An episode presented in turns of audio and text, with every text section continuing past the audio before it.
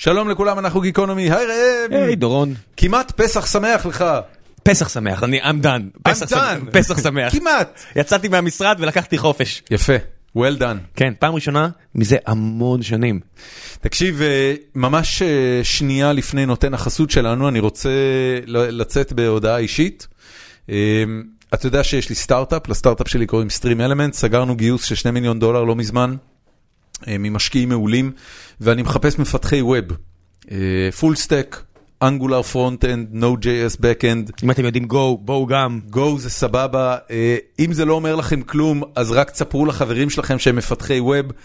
אה, אני לא מחפש נינג'ות ואני לא מחפש superstars, אני מחפש אנשים טובים שיש להם ידע רחב ב stack הספציפי שאנחנו מפתחים בו.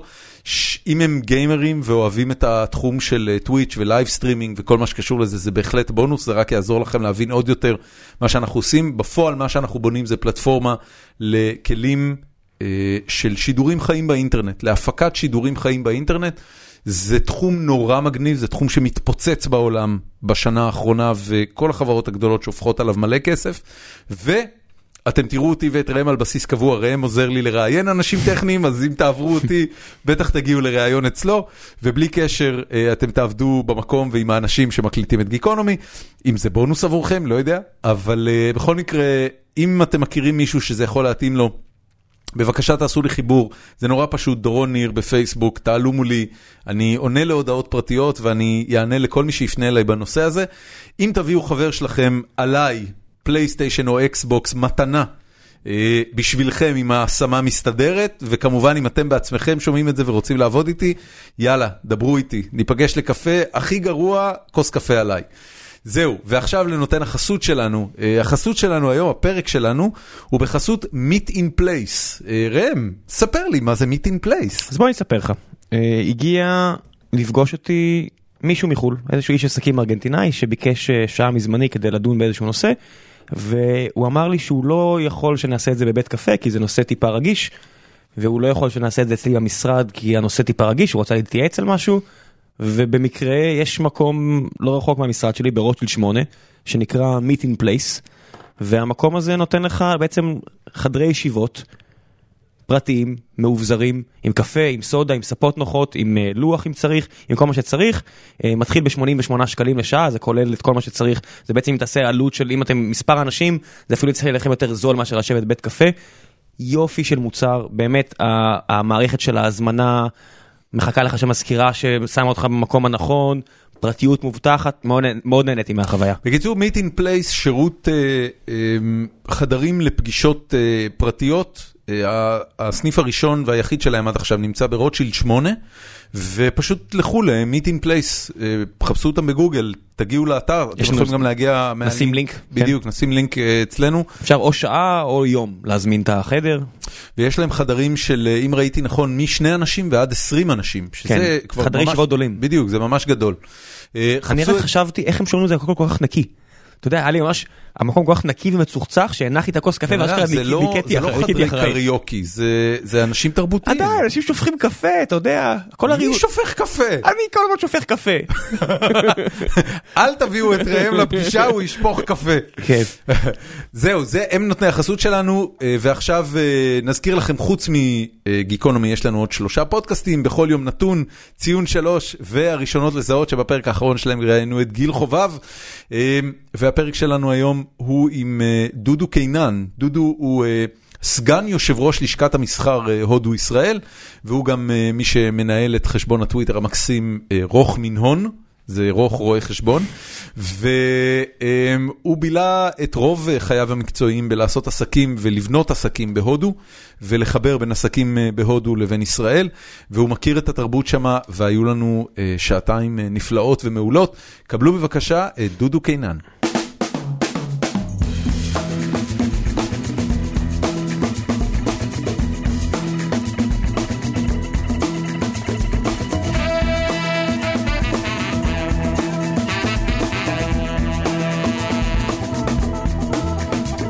שלום רב לאורח שלנו, דודו קינן, מה שלומך? מצוין, מעולה, מה שלומכם? טוב, אני אציג אותך כמו שביקשת, אה, סגן יושב ראש לשכת המסחר ישראל הודו. הודו ישראל. הודו ישראל, למה חשוב שהודו קודם? הם ייסדו?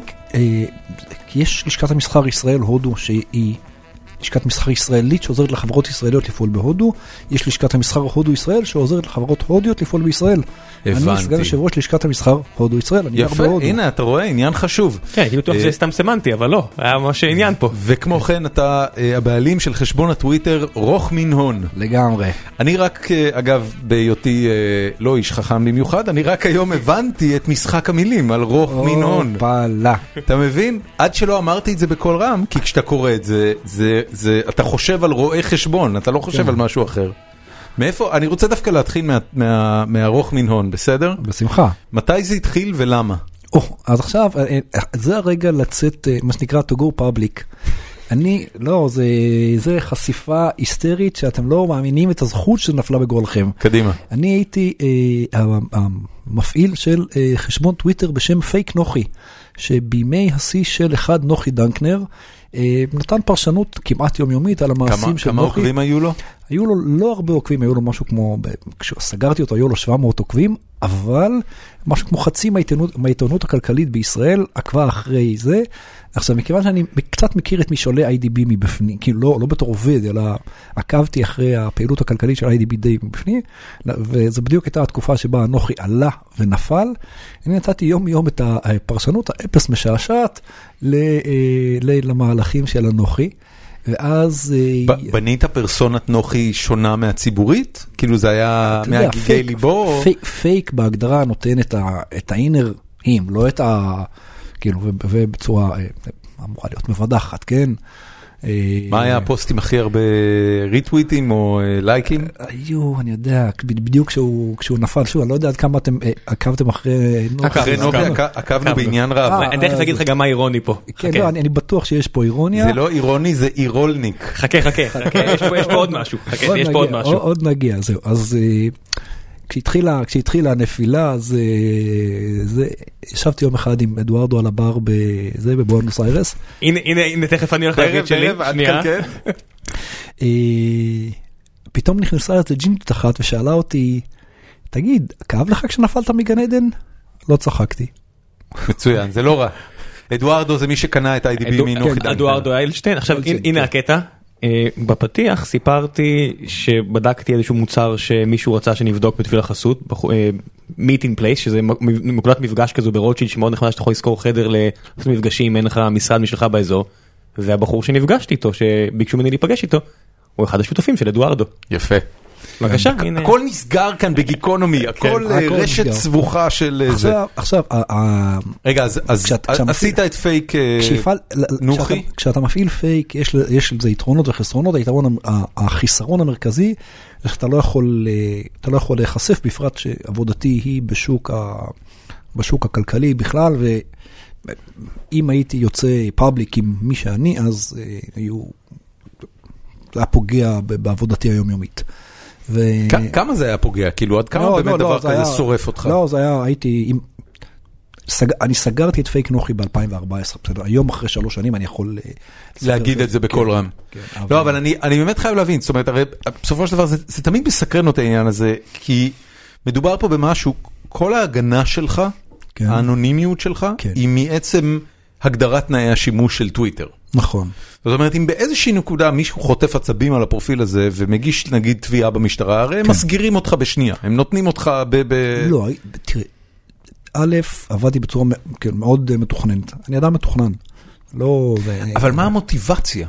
מה המוטיבציה לנהל חשבון, אה, מה זה כאילו stick it to the man? לא משוכנע שהבנתי את ה- את האידיום האנגלי, אבל... מה, אה, מה, מה המוטיבציה של בן אדם שפעיל בשוק ההון ושזה מסכן לו מאוד את העסקים להמשיך לנהל פרופיל רק למטרות מה בוא, אני- אני- אני שהגיקים לא- קוראים לא לו לא shits and giggles. לא רוצה להיכנס באמת יותר מדי לזה, אבל בגדול אני חושב שהתקופה הזו בכלכלה הישראלית הייתה אחת מתקופות השיא שבהן ה- ה- התחושה הייתה שכסף הציבור הוא הפקר. וכשהפסגה הייתה, לא היה אחת, מה, אחת מהפסגות של, של, של האנשים שבגדול ראו בכספי הציבור את כמעט אה, בעלותם הפרטית, אה, ואחת מהדרכים לחשוף את ה-inner, את ה-inner stories זה להגחיך אותו. שוב, לא, לא אני המצאתי את זה, ג'ון כאילו נתלה בעיתונות, באילנות מאוד גבוהים, מג'ון סטיוארט ו... כן, ג'ון אה, סטיוארט עושה את זה בפומבי, הוא לא מתחבא מאחורי שום פייק עכשיו, לא, אבל, account. אבל, אבל אתה לא יכול, איפה אני, אה, אה, ממי אני למדתי? אני למדתי מי ש... מהפייק של, עם, נו, איך קראו לו? ראש הממשלה האנגלי? ג'ון בלר? כן. פייק טוני בלר? פייק, טוני בלר. טוני לא בלר, ידעתי שזה היה כזה עניין. טוני בלר היה אה, מאוד דומה, גם, גם פיזית, כאילו, ובכל ההוויה שלו, צעיר, חתיך, אה, charmer. זה, charmer. טוני בלר עשה יותר שקשוקות מפינו, מבינו, אתה יודע. באמת? בדיוק, כן, כן, כן. כן, כן, כן, כן, כן, ופייק טוני בלר היה, אה, אה, שוב, אתה יודע, זה טוויטר היה עדיין בתחילתו, אבל פייק טוני בלר היה אה, אה, חשבון שבא ופירש לציבור. כל שקשוקה, כל, כל מהלך של טוני בלר, שהוא היה חתיכת שקשוקאים מימין, משמאל, מלמעלה וואו. ומלמטה, בצורה קיצונית. כן, ובא, החשבון הזה עוד חי? אין לי מושג, אנחנו- אני- אם- אם כן, אני אנחנו ר- נשים את אני הלינק. ראיתי- אני ראיתי אותו ב... 2010, אני חושב, משהו כזה. אה, אז אה, כן, אז פייק, אה, אה, פ- פייק טוני בלר היה השראה. פייק, פייק טוני בלר היה השראה שהוא אה, בא וחשף את ה... אני ראיתי בזה לא, לא יותר מאשר אה, שעשוע שיש בו, שיש עניין בצידו. בסדר, היה לי, היה לי עניין מאז ומעולם. המציאות. אה, שוב, גילוי נאות, אני לא רואה חשבון, למרות שהחשבון שאני קורא לו הוא רוח מנון, אני לא רואה חשבון, יש לי תואר במתמטיקה ופילוסופיה, אני כן הייתי עד לא מזמן שותף עסקי במשרד רואי חשבון, אבל מימיי לא, מימיי לא למדתי ראיית חשבון, אפילו מימיי לא למדתי לא ראיית חשבון, לא כלכלה, לא מנהל עסקים, אפילו לא שעה אחת רשמית. של השכלה פיננסית של רשמית. השכלה- של השכלה פיננסית רשמית, אבל מדי פעם אה, אני יוצא לי ל... איך הגיע העיסוק בעסקים? אמ, הוא, בן אדם מסיים תואר במתמטיקה לא, לא, ופילוסופיה. לא, לא, לא, זה- זה היה- זה היה עוד הרבה מקודם. אמ, אבא שלי היה סוחר כבשים. הבנתי. משם- למדתי, משם משם אמיתי? למדתי- סוחר כבשים? גידל, גידל, כן, שהוא היה מגדל כבשים, אבל לא היה, ההתמחות שלו הייתה לקנות בזול, לקנות בזול ולמכור ביוקר. יש- בתור, בתור ילד, שמע, אריק שרון תמיד סיפרו לא, שזה לא, היה הקטע ברור. שלהם הפרים. כן, כן, לא, אני, אני שואל כאילו, יש עניין של השבחת כבשים כמו שמשביחים חברות? לג... אה, קודם כל כן, שוב, אתה יודע, זה מסוג הדברים שאני הבנתי בתקופה הרבה הרבה הרבה יותר מאוחרת, אבל שוק הכבשים בארץ ובעולם מתנהג בצורה מאוד מחזורית. בגדול, אתה קונה, ב... אתה קונה בתקופ... בתקופת השפל ואתה מוכר בתקופת השיא. יש עוד הרבה מאוד טכניקה. כשאתה אומר שפל ושיא זה דרישה לבשר כבש או לצמר או למה? גם, גם פחות הדרישה, יותר ה... פ- פחות הביקוש, יותר ההיצע. מה שקורה, שוק הכבשים, כמו הרבה שווקים אחרים, שוק הבטטות, סתם שוק האבטיחים, אני יכול לתת לכם עוד, עוד הרבה מאוד שווקים שמתנהגים בצורה דומה. זה שווקים שהרווחיות הגולמית שלהם היא מאוד מאוד גבוהה. זאת אומרת, ה- ה- הרווח פר, אה, פר השקעה ישירה הוא יחסית גבוה, הבעיה היא ה- תשומות הרקע, בסדר? אז בוא, בוא תסביר לאנשים פשוטים מה זה אומר. כשאת, כש, כדי לגדל אבטיח, אבטיח זה מכונה שאני אתן את זה בדוגמה, הכי פשוטה, זה אבטיח, אתה אה, משקיע אותו במים ומוכר, למעשה אתה מוכר מים, מים ארוזים בתוך אה, נכון. אה, זה, בסדר? בתוך קליפה. עכשיו, מחיר המים הוא די קבוע לאורך כל השנים. נכון. ברגע, ש... ביום שבו מחיר האבטיחים הוא גבוה, אז אתה, אז המהפך הזה, אז המרה. המרה הזאת של אה, אה, מים לאבטיח היא מאוד אה, רווחית, כשמחיר האבטיחים הוא נמוך, ההמרה של מים לאבטיח היא מאוד... אין, אין שום דבר בגידול אבטיחים שקשור ל, לאדמה או לזן או י- יש המון, יש המון. למזיקים, י- אתה יודע. יש המון, אבל עכשיו, למה, למה זה מתנהג בגדול בצורה מחזורית? שנה אחת יש מעט מגדלים, ואז הם עושים המון כסף. של אבטיחים. שוב, ניקח, דוג, אבטיחים דוגמה, דוגמה לא רעה, שוק יותר טוב זה שוק הבטטות, אבל לא ניכנס אליו כרגע. טוב. שוק, באמת, שוק האבטיחים, שוק, שנה אחת יש מעט מגדלים, הם עושים המון כסף. בא השכן, אומר, הוא עשה, שנה שעברה הוא עשה מיליונים. למה שאני, הרי לא יכול להיות, הוא השקיע, קנה מים ב-20 אלף שקל, מכר אבטיחים ב-200 אלף שקל. אז נכון, אתה עשה צריך 10x על המים. כן, אז נכון, אתה צריך לבוא ולשים וזה, ולהשקות, ואת הזרעים, וזה, ו- ולגייס כמה עובדים זמן- שיבואו כמה בארבע זמן מראש בבוקר. צריך לקבל החלטה על גידול אבטיחים? בגדול בתחילת העונה. כי. כל עונה הרי אתה בוחר איזה... כן, כן, ברור. איזה? זרעים כן, לשים. מה תעשה? זה- לא, אבל כמה זמן זה? אבטיחים זה... אתה שותל אותם בחורף? אבטיחים, לא, אבטיחים זה משהו כמו שלושה חודשים מהרגע שאתה זרעת עד לרגע שאתה מוכר. נגמר. יש לא מעט חברות סטארט-אפים בעולם עכשיו שעוזרות לחקלאים להגיע להחלטות האלה, כי יש כן. כל כך הרבה משתנים פה, במיוחד בהודו וכל מיני מקומות כן. כאלה, אבל תכף נגיע לזה. עכשיו, שוק הכבשים, שוק דומה. שוב, העניין הוא זה לא כל כך, הביקוש לכבשים הוא די קשיח. בסדר, זה בגדול, אצל היהודים זה בפסח וראש השנה, אצל הערבים זה כל השנה, הביק, הביקוש די קשיח.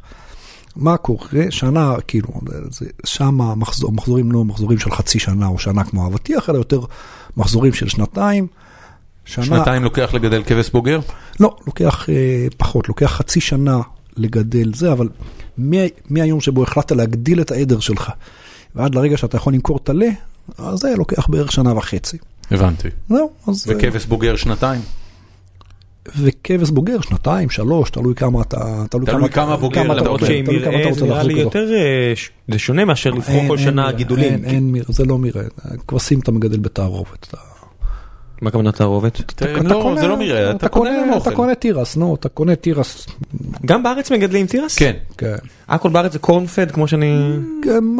בגדול. בואו נתקדם, כי כן. אני מזכיר לכם שאנחנו עוד בכבשים, עוד לא התחלנו הודו. עוד. לא התחלנו עוד, כן. למה יש אחלה כבשים, ב- אתה יודע, אוכלים אחלה כבשים בהודו, רק אצל האסלאמים. זה נכון. אתה- שאלת, שאלת, השאלה שלך הייתה מאיפה... נכון, מאיפה ההשכלה. הכלכלית שלך? מאיפה ההשכלה הכלכלית? ההשכלה הכלכלית שלי בדיעבד, אני יודע. הייתה מגידול כבשים, העובדה שאבא שלי מאוד התעניין בכלכלה. הסביר לי, שוב, אני, כשהייתי בן 18, אה, היה משבר הבנקים בישראל, 1983, כתבתי על זה פעם אה, כתבה ארוכה במקום הכי חם בגיהנום. הכי חם בגיהנום. אה, זה... זה, זה בתור ילד בן 18 זה אולי השיעור הכי טוב, באמת, השיעור הכי טוב בחיים שקיבלתי בכלכלה, ומאז עקבתי אחרי כלכלה, קראתי עיתונים כלכליים מה ישראלים כל ולא כך הקסים. אותך במשבר הבנקים אז? זה לא הקסים, זה עניין, זה לא, זה לא אותו דבר, זה היה אירוע מזעזע, שני האנשים שהיו בר- בראש שני הבנקים בישראל, ארנס יפן בבנק לאומי, שמן הסתם מכיר איכשהו, ויעקב לוינסון בראשות אני בנק הפועלים. אני מאוד אוהב את הסיפור הזה, זה סיפור יעקב לוינסון התאבד, לא? לגמרי, אבל גם ארנסט, שניהם היו האנשים, לוינסון טיפה פחות, אבל ארנסט יפת היה שני האנשים המובילים בכלכלה הישראלית, אדם גדול, חזק, אה, אה, מאוד דומיננטי, עם מעלית אישית מהחניון הפרטי שלו ישר לזה, עם שף פרטי שכל צהריים היה מכין לו זה, שהיה מכין לו ארוחת צהריים, טיסות במחלקה ראשונה ללונדון תחשוב איזה הבטחה. הוא הביא לכל הציבור, תקנו את המניות שלנו, כל יום עולה 0.1 אחוז. כן, קסם. מדהים, אבל, אבל זה היה הרבה יותר מזה, האיש עצמו היה איש סופר דומיננטי,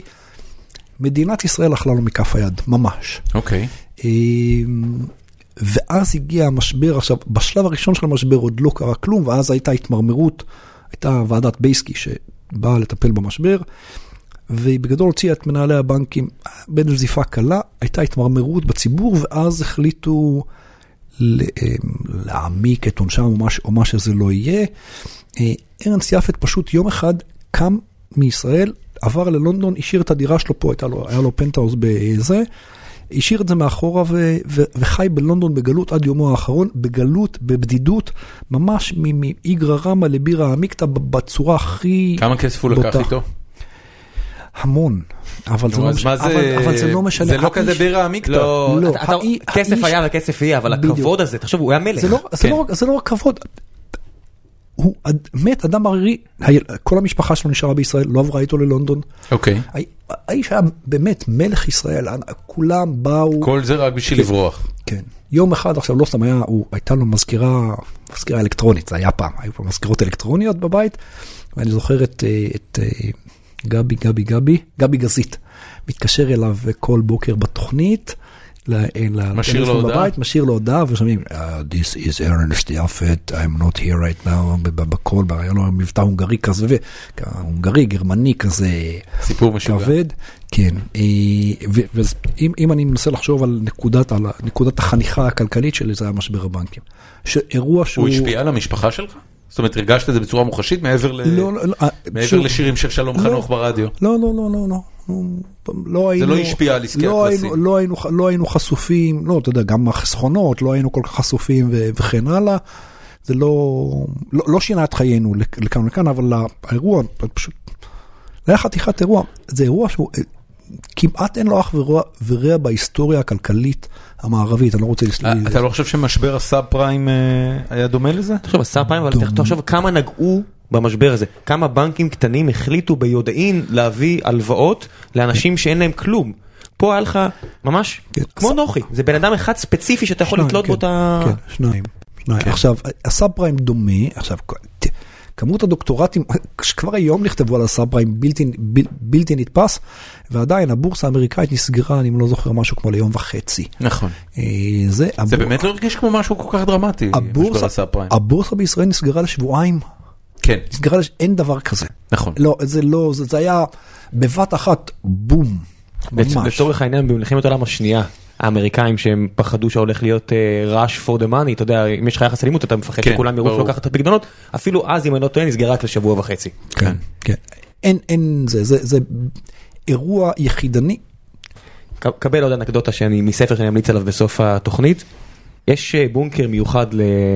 בארצות הברית בווירג'יניה שנועד למצבים של נשק אטומי, אה, ב-9-11 הם הבריחו אותם שם, ובעיה של מזומנים. באמת? כן, אחד הפרוטוקולים זה אם יהיה בעיה של מזומנים, מיד להבריח את כל ה-upper קונגרס, הקבינט. את הקבינט, את, כן, את הנשיא, כן, כן, לבונקר הזה, כן, כי הם, בליקווידיטי קראנץ', כן. הם מצפים שההמון יהפוך לזומבי רצחני. עם, אתה יודע, הכספומטים, מה שמדהים, שכולם אומרים, טוב, אני תמיד יכול למשוך את הכסף, אבל. היכולת לעצור את הכספומטים היא לחיצת כפתור. נכון. כן, נכון. כן. טוב. בוא נדבר קצת על הודו. בוא נדבר קצת על הודו. מאיפה הגיע הודו? טיילתי לראשונה בהודו ב-1990, בן כמה היית? בן 26, 25, 25, כן. כן. אה, מאז, אה, פעם בשנתיים טיילתי, מאז ומעולם המזרח עניין אותי בכל זה, הייתי חתום על ה-FAR East Economical Review, שזה הירחון, הירחון של Street Journal שמודפס בהונג קונג. הייתי אחד המנויים היחידים בישראל בתור ילד, הייתי מנוי עליו. סיפור ליום אחר, איך דווקא זה הגיע אליי. מזל אה, שיש לנו שעתיים, חכה, נחזור לזה. כן, אבל תחזור. כן. מאז ומעולם המזרח עניין, אותי- המזרח עניין אותי וכלכלה עניינה אותי וזה, ואז, ותמיד, מאז שטיילתי בהודו הקפדתי לעקוב אחרי, לא לא רק הכלכלה ההודית, הכלכלה הסינית, הכלכלה התאית, גם קצת מה שקורה בדרום מזרח אסיה, לאוס ווייטנאם, אבל זה סיפור, זה באמת סיפור ליום אחר. אמ, ועם המשבר, אני הצטרפתי לאינטל קפיטל, למחלקת ההשקעות של אינטל בשנת 2000. עכשיו, ב- זה עשר שנים אחרי, בן 35. כן. אוקיי. ב... אמ, מה מה היה בספטמ- מה היה בביקור 2001? הראשון שלך בהודו ש- שעורר אותך, אתה אומר, אוקיי, אני רוצה לעשות עסקים עם היבשת לא, הזאת. אז עוד לא, לא ידעתי שאני רוצה לעשות עסקים, ידעתי, מאז, שאני מכיר את עצמי ידעתי שאני רוצה לעשות עסקים באסיה, לא, לאו דווקא אה, הודו ולא, ולא מקומות אחרים. מה מה הפיל? למה, למה מאז, מה- מה אה, מאז? שהייתי מה- ילד אה, אה, אתם, אתם, לא- אתם לוקחים אותי לכל הזה, לכל אני- ההיסטוריה לא, שלי, אני, כן. אני באמת מנסה להבין את זה, כי אתה יודע, אני, אנחנו אנשים שצומחים במידה רבה על התרבות המערבית. כן. ואיננו נשואות לתרבות המערבית. התרבות המזרחית, בוודאי הודו, גם סין, פחות יפן, אבל את יפן אנחנו פשוט לא מכירים, נתפסת בעיני- בעינינו כנחותה ולפעמים אפילו נכשלת. אז, אז אני אתן אתה ברשותך, אני מסתכל על זה ואתה אומר, עם החבר'ה האלה אני רוצה לעשות עסקים, מה זה? ברשותך אני אתן לך את התשובה הארוכה, אבל בקצרה. תן, תן אפילו בארוכיות. תן את הארוכה בארוכה מצידי. אני נולדתי ב-1965.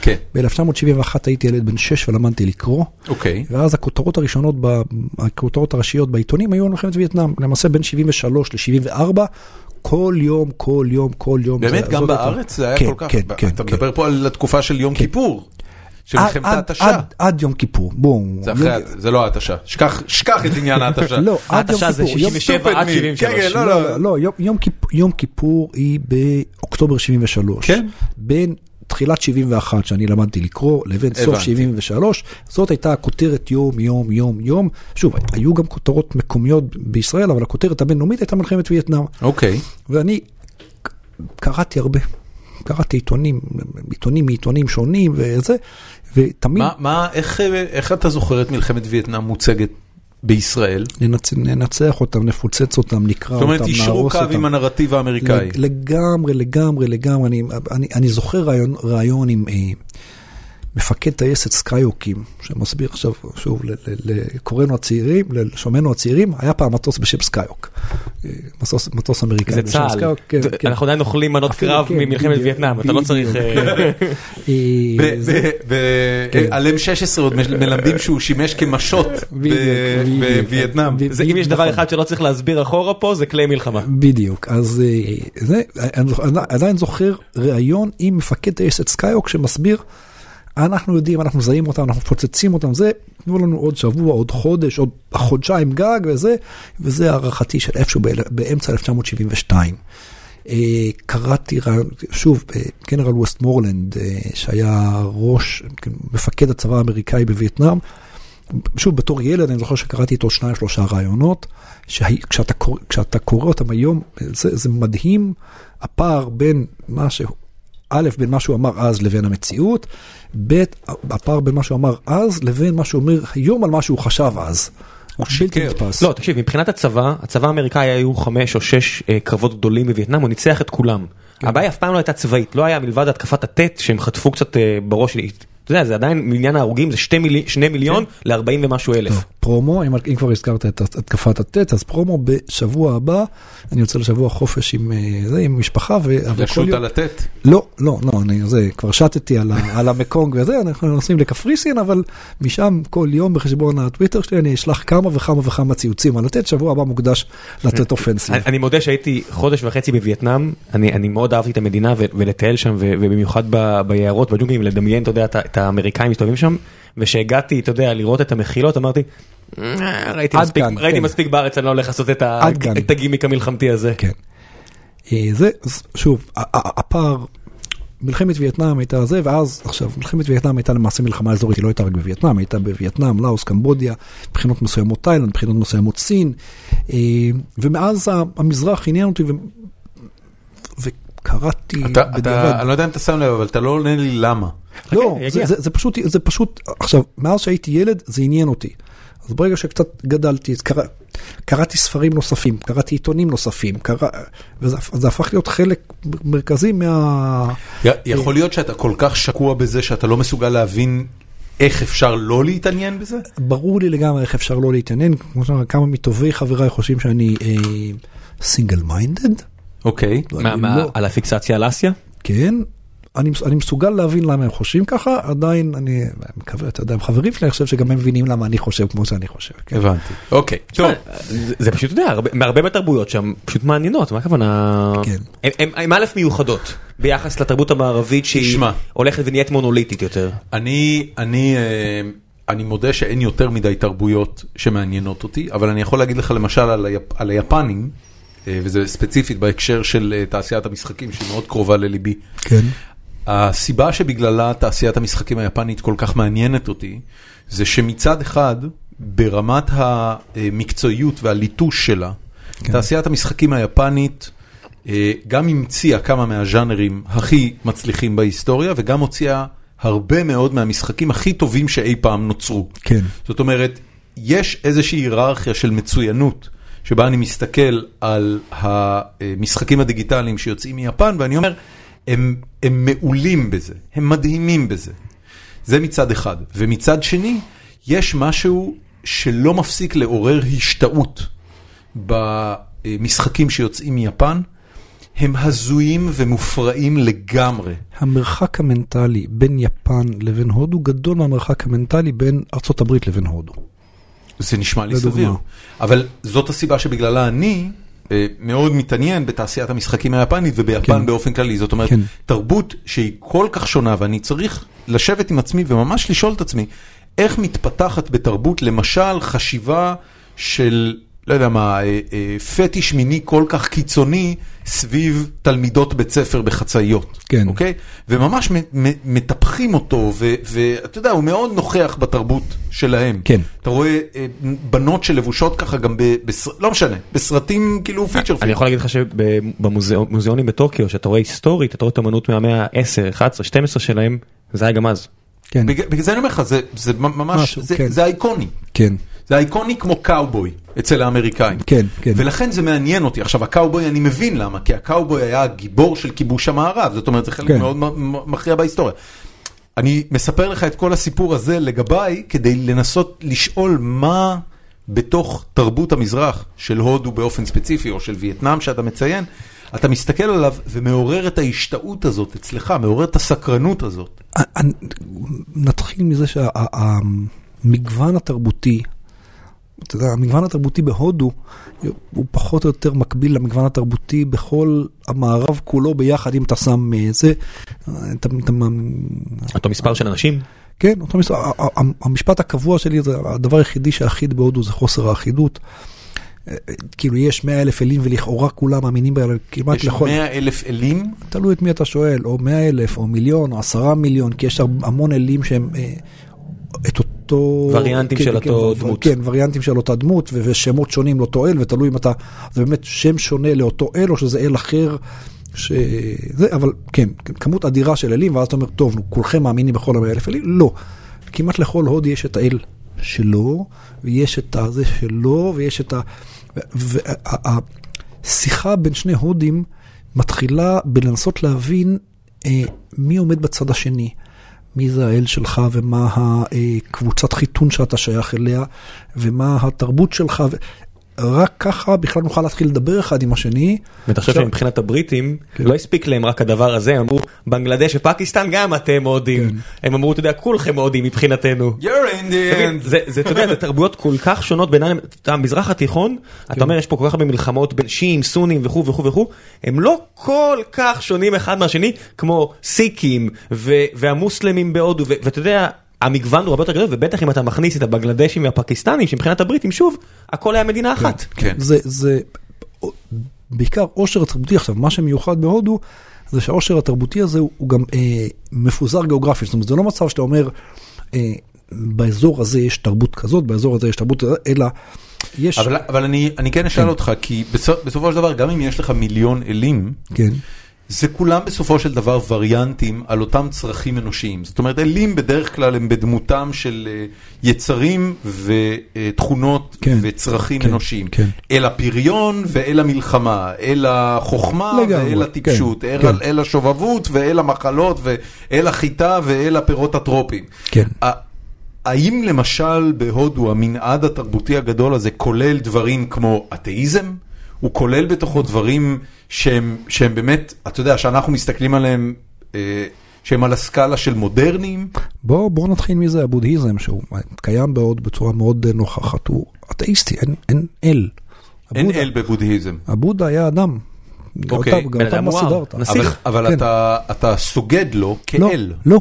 אתה לא סוגל, לא. בודהיזם איננה לא. סגידה. שוב, בוא, זה גם, שוב, גם בתוך הבודהיזם יש כמה, יש כמה וכמה תתי סקטים, אבל בבסיס הבודהיזם הוא אה, אה, פילוסופיה לא דתית. אם אנחנו מגדירים דת בתור אמונה, אז אה, אה, הבודהיזם בבסיס הוא אה, תורת חיים לא דתית, לא, לא אמונית, אתה די מפוצץ לי את המוח פה.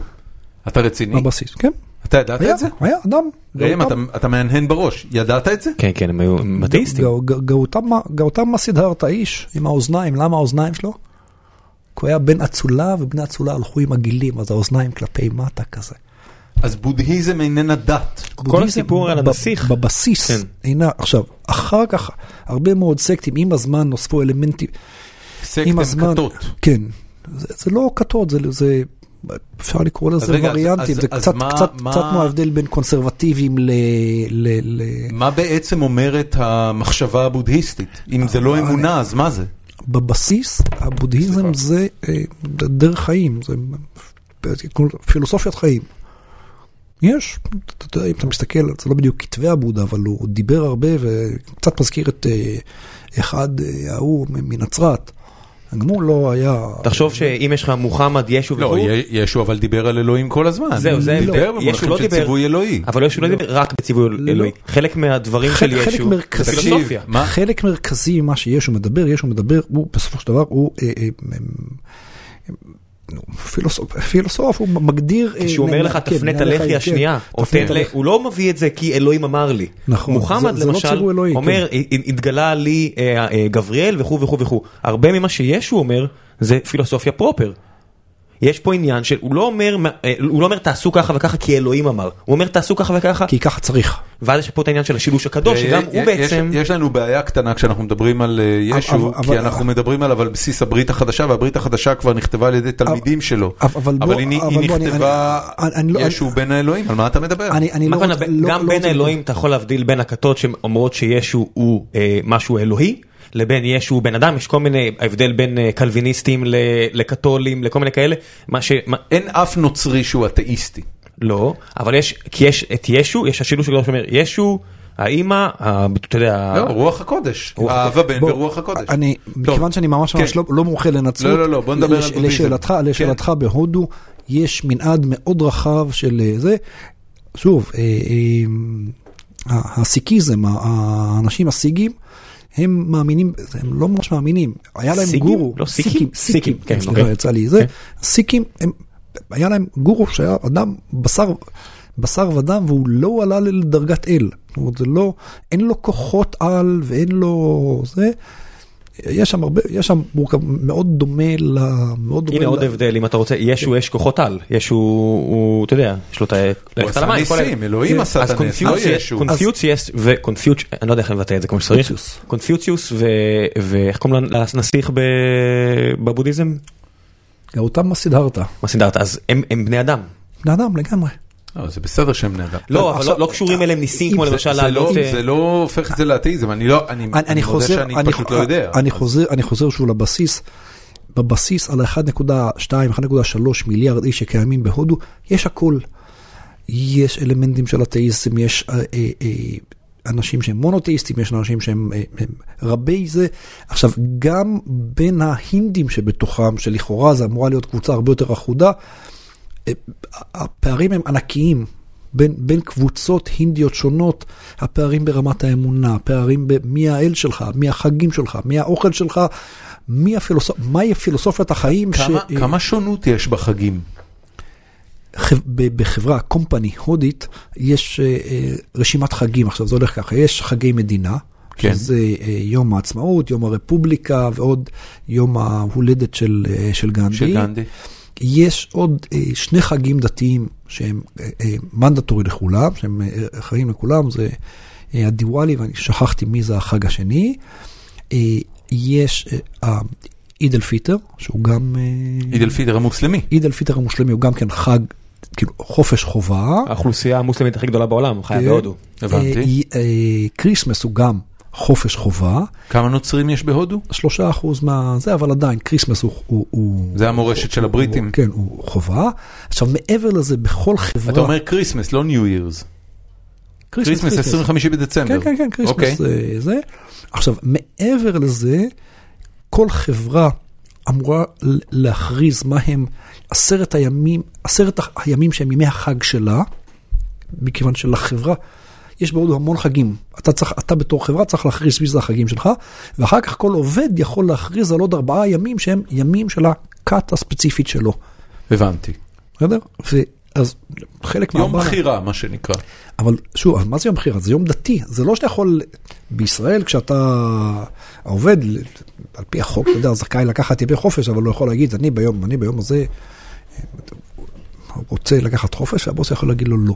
בהודו, אתה, בתחילת השנה אתה מכריז מה ימי מה ימי החופש הדתיים שלך. הבנתי. וחייבים לכבד את זה. יום חג דתי, אתה כן. לא יכול... כן? לא תשבור לו את החג. כן, עכשיו, זה, מכיוון שהס... שוב, מכיוון שהספרד הוא, הוא כזה גדול, וזה נכון לגבי הכל, אנחנו שנייה אחת נעשה אה, ספ... ספין מטורף להייטק. באינטל, עבדתי פעם באינטל, אז באינטל יש אה, דרגות שכר. כן. אז ב... בישראל, בתוך הדרגה, הפרשי השכר הם 40 אחוז. זאת אומרת, אם בדרגה מסוימת שכר המינימום בדרגה זה 20 אלף שקל לחודש, שכר המקסימום 28 אלף שקל לחודש. באינטל בהודו, הספרד בתוך, בתוך דרגה הוא 100 אחוז. זאת אומרת, בין בין 20 אלף ל-40 אלף. ל-40 אלף. עכשיו, ה spread הזה נכון בכל דבר בהודו. יש, המגוון, השונות, ההבדלים, הם הרבה הרבה הרבה יותר גדולים מאשר כל מה שאנחנו רגילים אליהם. בסופו של דבר, וזה גם מאוד מתקשר לדרך התקשורת הפנימית. אנחנו בתור ישראלים, סליחה, בהמות חסרי היררכיה, חסרי כל אה, פרוטוקול תקשורת אה, היררכי או, או כן, אחר בכלל. כולם שכונה. כן, אה, זה, אני, תמיד, אני תמיד נותן את הדוגמה של ה... אה, זה השומר האסטרטגי, אתה מתקשר לחברת הייטק ישראלי ב-11 בלילה, עונה לך השומר לילה שהוא סטודנט, מתקשר המנכ"ל של AT&T, אז הסטודנט שעונה לו, יגיד שנייה אחת, שנייה, תן, תן לי לטפל, הוא יטפל בזה, הוא אה, ירים טלפון לאחראי משמרת, זה, יגיע לנוק. למנכ"ל, תן לי- תן לי רק לרשום מה אתה רוצה. בדיוק, ירים, ירים, טלפון ל, ירים טלפון למנכ"ל, ירים טלפון ליושב ראש מועצת המנהלים, כי כולם, בסופו של דבר כולנו שכונה. נכון. בהודו, זה, עצם הסיטואציה היא בלתי, בלתי נתפסת, כן? כאילו בגדול, אתה המידע אומר, הזה, אצל- אצל השומע- אצל הש"ג הסטודנט אין טלפון. והיה ויש טלפון על ידו והטלפון מצלצל והוא מרים אותו, זו סיבה לפיטורין מיידיים. אתה חרגת מכל, מכל מקום שבו אתה בכלל אה, אה, קיים, מה, מה עבר בראשך שענית על הטלפון. שענית על הטלפון ש... מהבחינה הזו הם הרבה יותר קרובים ליפנים מאשר לאמריקאים.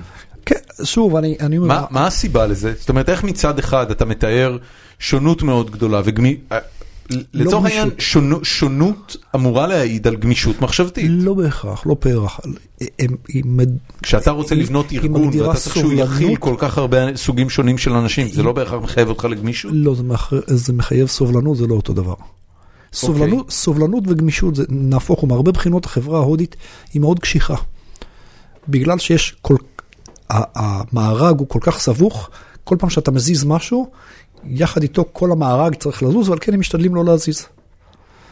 הם משתדלים לא להזיז. כן, בגלל, בגלל שהמארג הוא כה סבוך, אם אתה מזיז מישהו קצת כאן, אז, אז נמתח מפה וזז הזה וזה, אבל כן, בגדול יש משהו מאוד שמרני, מאוד עמוק בקיום ההודי, בדיוק בשל המארג הסבוך הזה. אתה, אתה לא מזיז, אתה לא...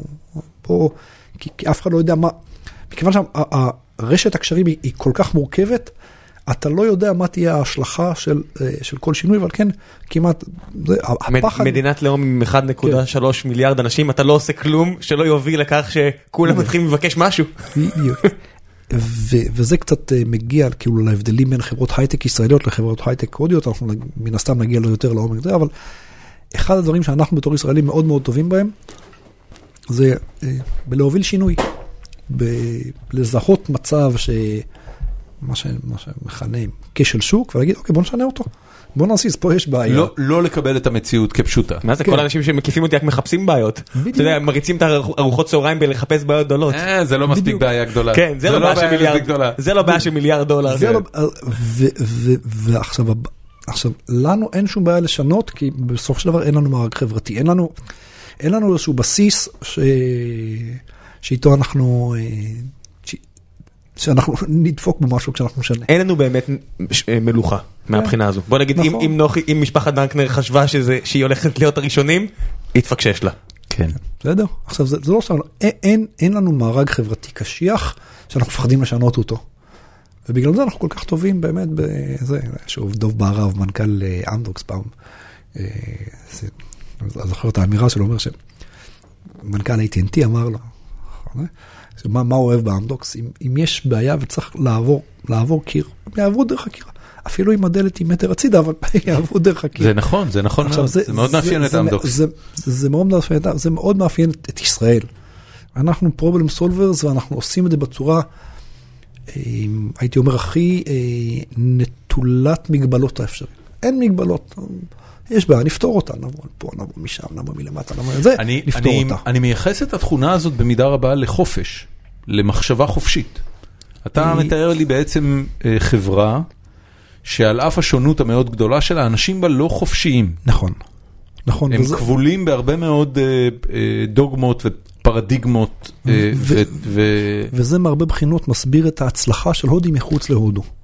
הם גדלים בחברה אה, ששמה הרבה דגש על השכלה, ששמה הרבה דגש על חינוך, ששמה, אה, שגם מאפשרת לך להתמודד בסביבה מאוד קשה, כי סביבה כזאת קשיחה היא סביבה מאוד קשה.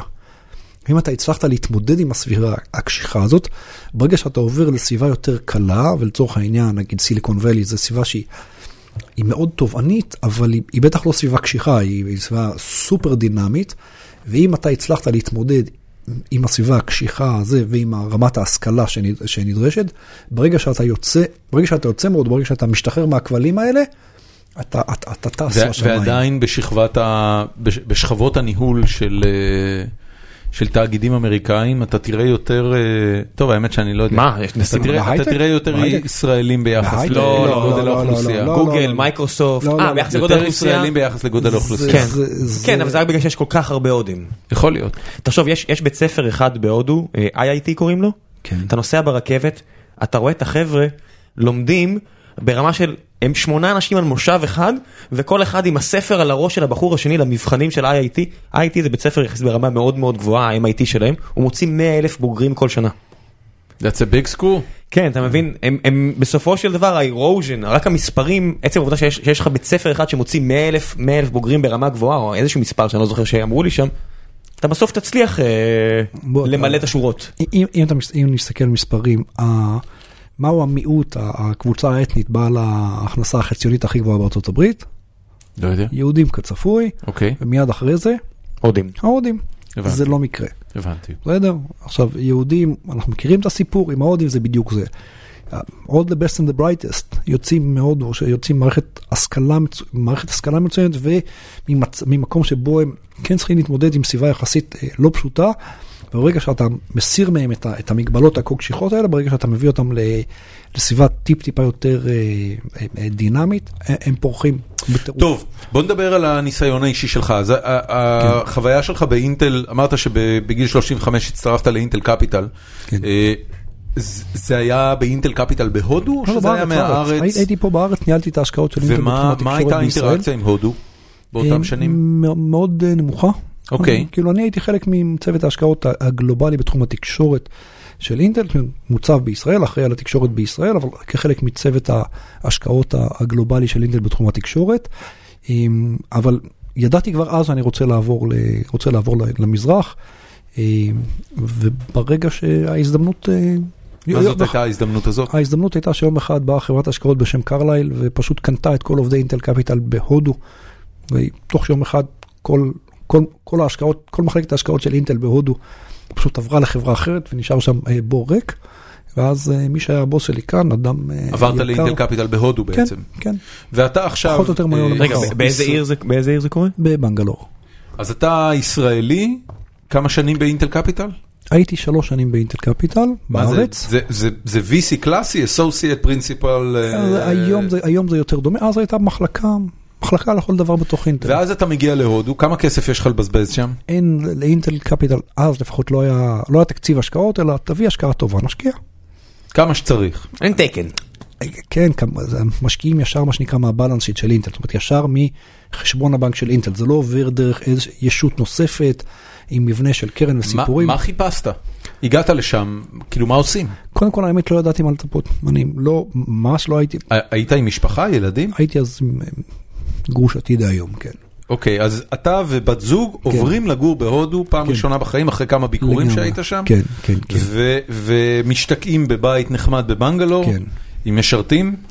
אין, בוא, אני, משרתים זה לא הגדרה, הייתה לנו עוזרת בית, כן. אוקיי, ו- ואתה בעצם מתחיל לחפש השקעות. כן. אתה מתחיל לייצר לעצמך נטוורק בתוך ה... לא יודע מה, כן. סצנת הסטארט-אפ המקומית. לא בדיוק, אז שוב, ב- ב- אני הגעתי לשם בתחילת 2003, העולם אז בדיוק אה, יצא מהחורבות של 2001. נכון. אז הייתה... היה אינטרנט בהודו? כן, כן. לא סתם פס אני- רחב, אבל... בוא, בוא, אני, אה, שוב נתחיל באנקדוטה, ב... ידעתי כבר שאני הולך, לה...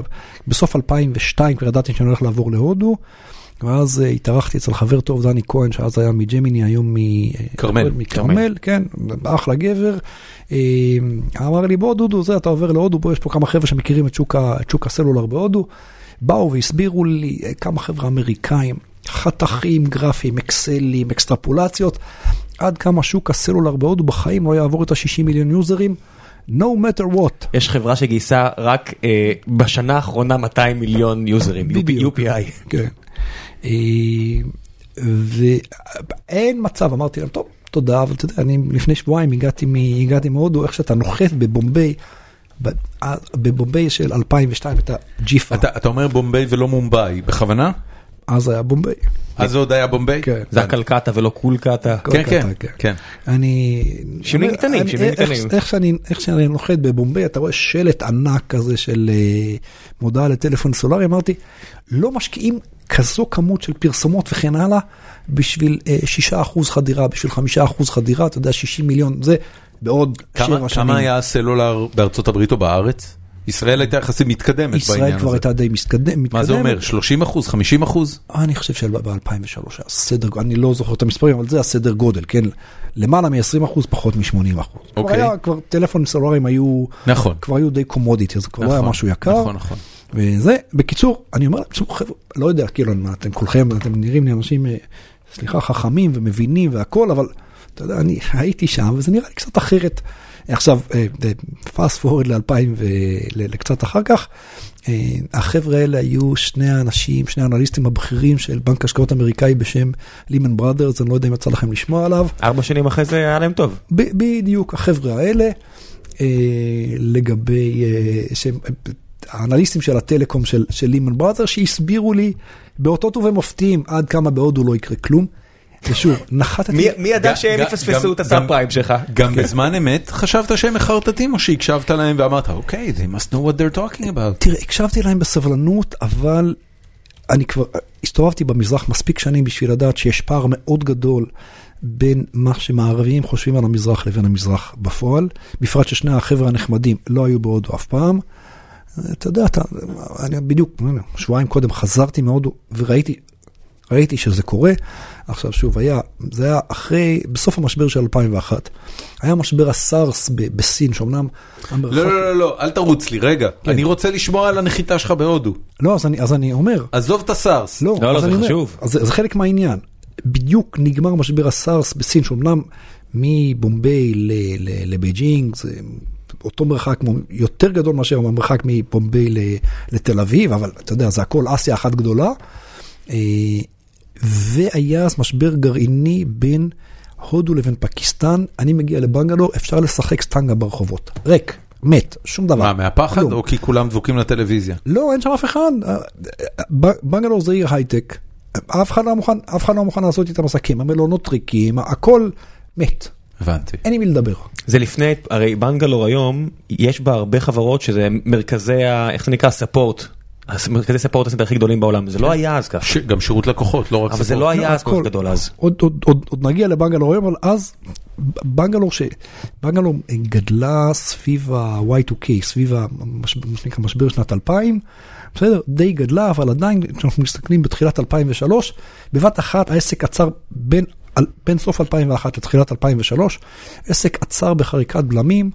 זה פיטורים בחברות, רחובות ריקים, כלום, שום דבר, אין, אין, אין עם מי לדבר. ועכשיו, אני לא ידעתי, אתה יודע, שאני נכנס למשרדים באינטל, לא ידעתי אם לא ילכו פרות במסדרונות. לא יד... באמת לא ידעתי למה לצפות.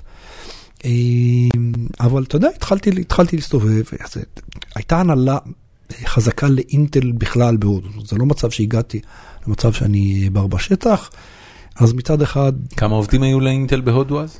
אז היו סדר גודל של אלף, אוקיי, כולם באותו סייט? כולם באותו סייט, כן. אוקיי, אז אתה מגיע, מה, נפגשת עם מנכ"ל אה, אינטל, אה, כן, ישבתי שני קיוביקלים ממנו. ישראלים, אין- לא- אין- אין הירר- אין היררכיה. ומה כן. הוא אמר לך? או, welcome, בוא תתחיל, תסתובב, אתה יודע, התפקיד שלך זה- להביא השקעות. מה עושים? אמ, אתה יודע, יש מיטאפים, יש מה. לא, לא, שוב, האינטרנט היה אז ממש בחיתוליו. אז מה עושים? אה, כנסים? הד- הדבר הראשון, האמת שהדבר פחות או יותר הראשון שעשיתי, את השם אינפוסיס כבר הכרתי. אוקיי. ואז הלכתי עם מי שהיה ה-COO, האיש מספר 2 באינפוסיס. אה, הרמתי אליו טלפון ללשכה, לקריס קופלה קרישנן, אמרתי לו שלום, שמי דוד קינן, הישראלי שגר פה, אה, והייתי שמח אה, להיפגש איתך. אמר לי בבקשה, בוא. נפגשתי איתו ואמרתי לו, תשמע קריס, אני לא, לא יודע מימיני, ומשמאלי, לא יודע מה קורה פה, אני אחפש פה מישהו שיהיה הביזנס מנטור שלי, האם אתה מוכן to take the challenge? אמר לי, תשמע, בוא, בשמחה. אה, דרך אגב, אם, אם, אם לא אכפת לך, תישאר פה גם לפגישה הבאה שלי. סבבה, כאילו, אתה מבקש, אני אשאר. אה, לפגישה הבאה נכנס בחורצ'יק לבנבן, אה, וקריס אומר לי, אה, אה, לבנבן דיוויד- כלומר מערבי. מערבי לגמרי. אה, דיוויד תכיר את אה, תום, תום זה אה, דיוויד מישראל, זה היה אה, תומאס פרידמן. גדול. שבא- לראיין את אה, קריס. כלכלן אה, כן, כן. בסדר סך הכל. כן, כן, שבא לראיין את אה, קריס לקראת הספר שלו, ה-flat world, על העולם השטוח. אוקיי. כן? עכשיו שוב, עוד זה, עכשיו אני, הי- היינו בפגישה והיה משעשע, ואז קריס מכיר לי, אומר בוא, באינפוס יש לנו פה שלושה עובדים שהם נון אינדיאנס, אחד מהם הוא מהקלאן שלך, ג'וש, ג'וש, ג'וש, ג'וש, ג'וש. שכחתי את השם משפחה שלו, ג'וש. ג'וש, ג'וש דה ג'ו. כן, ג'וס זה ג'ו, זה, הוא למד, הוא למד ב, ב, באוניברסיטי ביחד עם הבת של המנכ"ל של, של אינפוסיס, ואז אוקיי. okay. בסוף הלימודים היא אמרה לו, בוא, מחפשים אינטרנס, ל, ל, סליחה, לבנים לזה, בוא. אז ככה נוצ, נוצר, היינו בכל, אה, בכל בנגלור, אני יודע, אז היו. כאילו, נסחפתי, אבל אלף לבנים שהם לא... לא גרים, חיוורים, כן. שהם לא עוד עם חיוורים. כן, שהם, אה, אה, זה. אבל אני מודה, היה מאוד משעשע. עכשיו, אני הגעתי לשם בראשון לראשון 2003, אה, 2003, הבורסה הייתה ב-2200, בראשון לראשון 2004, הבורסה הייתה ב-4700 משהו. וואו. אז זה כאילו היה בבת אחת זינוק מטורף. עכשיו, אנחנו בתחילת... בתחילת 2003 אנחנו אמרנו, אנחנו, זה, זה הזמן לזרוק כסף. ואנחנו חיפשנו תוך חצי שנה, השקענו שם בשש חברות, 100 אלף דולר בכל חברה.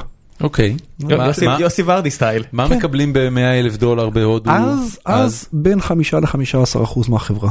אוקיי, תן לי דו- חברה לדוגמה. אה, אה, India Bulls, אתה מוזמן בהזדמנות לזה. India Bulls, bulls שוורים? כן. אוקיי, מה הם עשו? India Bulls קמו בתור online brokerage, אוקיי. אבל מהר מאוד, כאילו מה זה מהר מאוד? תוך שנה וחצי. online brokerage אתר השקעות. כן, כן, כן. כאילו, פלטפורמה כן, לניהול השקעות. זה. כן. אבל באיזשהו שלב הם הבינו שהכסף האמיתי בהודו זה ב-real estate, והם הפכו להיות אחד מה-real estate developers הכי גדולים בהודו היום. אוקיי. אה, אנחנו השקענו... 2015 הם שווים 1.3 מיליארד דולר. נכון. אוקיי. אנחנו... מי היזמים? שלושה חבר'ה צעירים הודים. אוקיי. שבאו- פגשת אותם?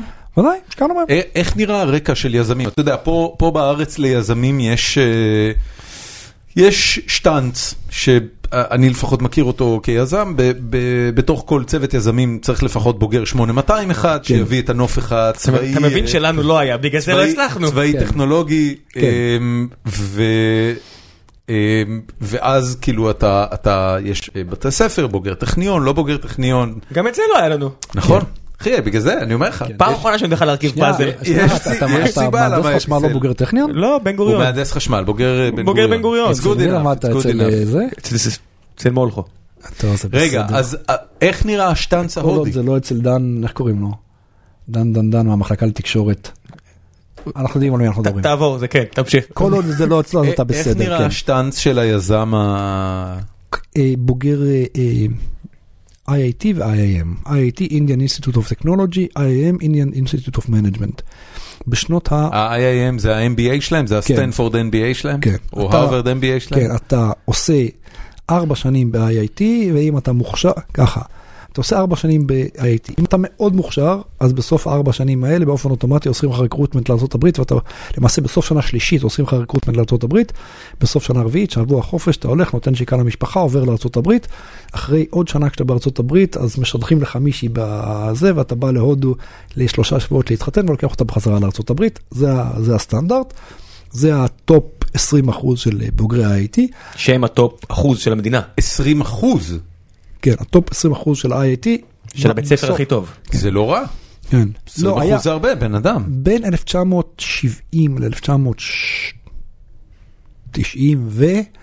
אה, זה נקרא The, the Great Brain Drain. אה, סדר גודל של 50% מבוגרי IIT, בין תוך שבועיים. לתוך שנתיים עברו לארה"ב.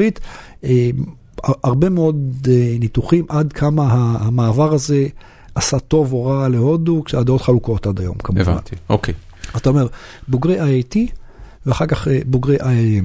זאת אומרת, הם סיימו ארבע שנים ב-IIT, איך שהם סיימו את ה-IIT באופן אוטומטי הלכו ל-IIM, עשו את ה-MBA שלהם, ועבדו משך בין שנתיים לבין אה, חמש באיזושהי חברה, ואז הם התחילו את, ה, את הסטארט-אפ שלהם. אוקיי, ו- והם נשארו בעצם ביבשת, זאת אומרת החבר'ה האלה הם, הם כן נשארו בהודו. היז, היז, שוב, היזם ההודי הקלאסי זה יזם שחי בהודו כל חייו. והוא ויתר. בעצם על ההגירה לארצות הברית? כן. מסיבות מ- של? ממיליון סיבות. ממש... לרוב ממשפחה, לרוב מדובר באנשים שהיו מ... ש... שיש להם או בנים בכורים או משהו כזה, שהי... שהייתה להם מחויבות משפחתית אה, חזקה כזאת או אחרת, אבל כן הם החליטו להישאר ב... יש יזמיות? היום יש פעם כמעט ולא היו. זאת אומרת שאתה, ב-2003 שאתה התחלת... לא היו. איך נראה ה deal flow שלך? deal flow, למאזיננו שלא יודעים, זה בעצם הכינוי לתזרים העסקאות שמגיע למשקיע. אה, כאשר מדובר בסופו של דבר באיזשהו משפך, יש לך איקס חברות שהמצגת או האקזקיוטיב סאמרי מגיע אליך, אתה מחליט להיפגש עם אחוז מהם, אתה מחליט לעשות פגישה שנייה עם אחוז קטן יותר, כן. אתה מחליט להשקיע ב... לא יודע מה, אחת ל-30, אחת ל-50, מה היה... מה, זה, שוב, זה נכון לגבי במערב. ב, שוב, בהודו ב-2003-2004, זה מאוד מאוד מאוד שונה היום. בהודו ב-2003 ו-2004, 80 אחוז מהפניות, זה לא משנה כרגע אם זה הגיע בצורה של תוכנית עסקית או כל תוכנית אחרת, 80 אחוז מה, מההצעות היו one man show שבגדול מנסה לעבוד על משהו בבית שהוא חיקוי לא מעניין של משהו שקורה במערב, אה, וכבר עובד על זה חצי שנה, שנה, שנה וחצי, מחפש מישהו שיתחיל לשלם לו משכורת מחר. זה, זה לא היה עובר screening של כל משקיע שהוא. ה-20 אחוז הנותרים, אני כן יכול להגיע בגדול, ה-20 אחוז הנותרים, שזה לרוב קבוצה של יותר מיזם אחד, זאת אומרת, משניים ועד חמישה, שהיה להם טיפ טיפה יותר היגיון עסקי, כל מי שהתחיל חברה ב-2003 ו-2004, אה, בסוף 2005-2006 הייתה לו חברה מוצלחת ביד. תקופת הזהב המטורפת של ההייטק ההודי. נתקלת שם שפתח- במשהו שהיה חדשני ברמה שגם במערב לא היה? אז? ב-2003-2004 לא. הבנתי. לא, לא היה... מתישהו לאורך כל התקופה שהיית שם? בשנים האחרונות אנחנו מתחילים לראות, כאילו בשלוש, חמש שנים האחרונות אנחנו מתחילים לראות שם דברים יותר מעניינים. שוב, הם יותר מעניינים אה, בעיקר כי הם יודעים לפנות לשוק, ה, ה- השוק ההודי שהוא מאוד ספציפי בצרכים שלו. שמע, תחשוב, אם, אם שואבים את הטופ של הטופ לארצות הברית, ומנכ"ל גוגל ומנכ"ל מייקרוסופט, אז מה לעשות שהטופ של הטופ נמצאים שם, והם אלה שייתנו את הדברים החדשניים באמת. תחשוב על זה שמקוריאה, מעטים הדברים הבאמת חדשניים שיצאו. מיפן, כבר הרבה שנים מאז הפלאש לא יצא באמת משהו גדול מיפן, ב- ב- מכל הסוגים. מסין, הרי החברות המפוארות של סין, עלי בבא, עושה פחות או יותר העתק הדבק לאמזון. אתה יודע, שירותי ענן הם עשו, אנחנו נעשה שירותי ענן. עשיתם e-commerce, אנחנו נעשה e-commerce. חוואוי התפרסמה הרי תמיד. עליבאבא הייתה מאוד אה, מיוחדת בעובדה שהיא אה, סגרה את הפער מול היצרנים המקומיים, וזה משהו שאמזון מעולם לא ניסתה לעשות. כן, אבל זה כבר אבל חידוש אתה בי- צודק, biz dev. כן, כן. אתה יודע זה- שיש לך את זה- היכולת... זה פיבוטון, זה לא... אתה יודע, תחשוב, קריספר 9, אחד החידושים הכי גדולים ב-20 שנה האחרונות, זה סיני אמריקאי. ו- ויש מלא הודים אמריקאים שעומדים בטופ של הטופ של הטכנולוגיה. הם פשוט, ההישג רשום על שם ארצות הברית. כן. כן, שוב, אם אני חוזר לזה, בשנים האחרונות אנחנו מתחילים לראות, אה, זה עכשיו, למה אנחנו מתחילים לראות חידושים? אנחנו מתחילים לראות חידושים שיוצאים מהודו בעיקר, כי לשוק ההודי יש מאפיינים ייחודיים, והחדשנות שקורית בהודו היום, זה לא פנייה לשוק הבינלאומי, אלא יותר זאת פנייה אומרת, לשוק השוק ההודי. המקומי פשוט גדול מספיק. השוק המקומי גדול מספיק וייחודי מספיק בשביל להצדיק innovation בדרכו. תחשוב מה, מה מיוחד הרי בפייסבוק למשל, הם החברה הראשונה שמסתכלת על הבעיות התשתיתיות של הודו של אינטרנט איטי וכל מיני כאלה וטלפונים יותר מיושנים, אומרים, בסדר, אנחנו לא נשאיר את זה להם. אז יש לך פה את Facebook Lite של ג'וי, חבר שלנו אה, ג'וי שמחון, שמוביל ש- מוצר... של Snaptu חביבי לי, הרבה לפני לא, זה, בסדר, עדיין- כן, כן. עדיין חברה ישראלית, תן להם כבוד. לא, אבל גם פה הם מפתחים את זה הרבה ישראלים כן, פה, לא כן, אכפת כן, לי אם זה כן, פייסבוק או לא, אבל כן, זה מלא כן. ישראלים שעובדים על משהו שמשרת 100 מיליון נכון, הודים. נכון. אתה יודע, ויש לך... אותו דבר Internet.org. או. אתה יודע שפייסבוק אומרים שאנחנו נאט יום- בשבוע, היה את ההנפצה הזאת של אה, יום בשבוע תאטו את האינטרנט כדי שתרגישו כמו הודים, כי הם לא מוותרים אפילו, הם לא משאירים להם אפילו את ה edge הזה של להיות backwards ולטפל ב-backwards. כן, כן, כן. לענייננו, סתם, אולי החברה שבעיניי החברה הכי מדהימה היום בהודו זה PayTM, מן הסתם שמעתם את השם, אתה חייב להכיר אותם.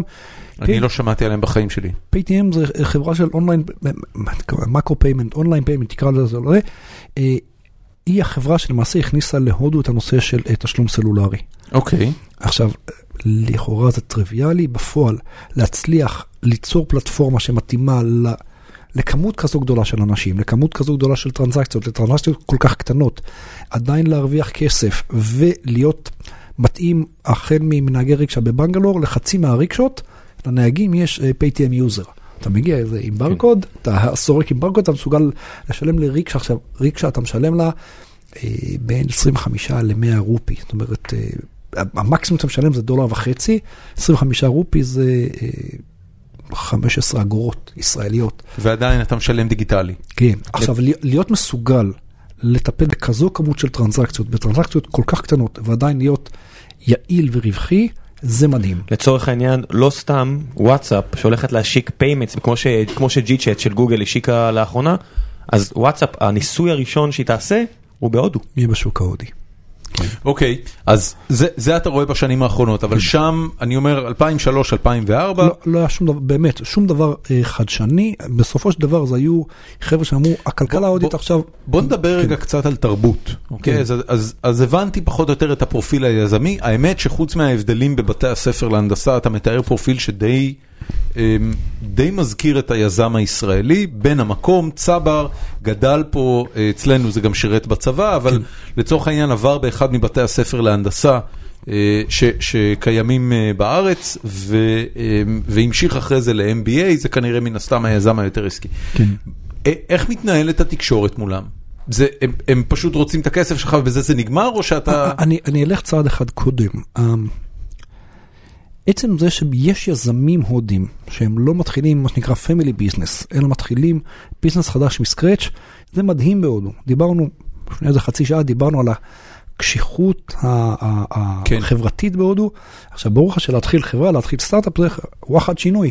נכון. אתה בתור, אה, אתה למדת ב, ב, באוניברסיטה מצוינת, עשית MBA באוניברסיטה מצוינת, לכאורה הדבר המתבקש זה שאתה תשתלב בתוך המארג. עכשיו, הסביבה מאוד מאוד rewarding, השתלבות בתוך המארג הזה. אוקיי. לבוא ולהגיד, אני לא רוצה להשתלב בתוך המארג, אלא להתחיל חברה משלך, שיש בה אלמנט מאוד ברור של risk, ובוא נזכור, אמרנו, שינוי ו risk זה דברים שהם לא, הם לא rewarded בהודו בשום צורה שהיא, ועדיין לקחת את ה... לקחת את, את הסיכון הזה, זה מדהים בהודו של 2003-2004, זה מדהים. איך זה, איך זה קורה?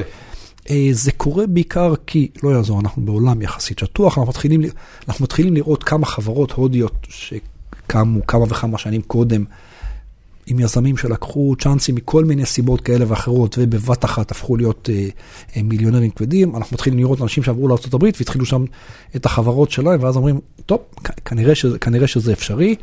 אה, אבל, עדיין זה ממש טיפה בים. תקשיב, אני, כן. אני רוצה רגע לעצור אותך, וזה גם, בהמשך הפרק אנחנו גם נשאל שאלות שהגולשים שלנו שאלו בפורום, שוק. אבל אני רוצה להעלות כבר את העניין הזה.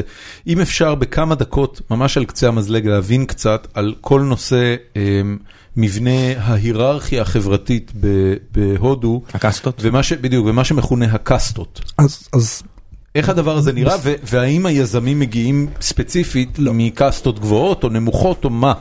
קודם כל שאלה מצוינת, אבל בואו נתחיל מהמבנה החברתי הכללי ההודי. קדימה. המבנה החברתי הכללי ההודי הוא אה, קודם כל מאוד מאוד מאוד מורכב ולא, כמו שאמרנו, לא אחיד.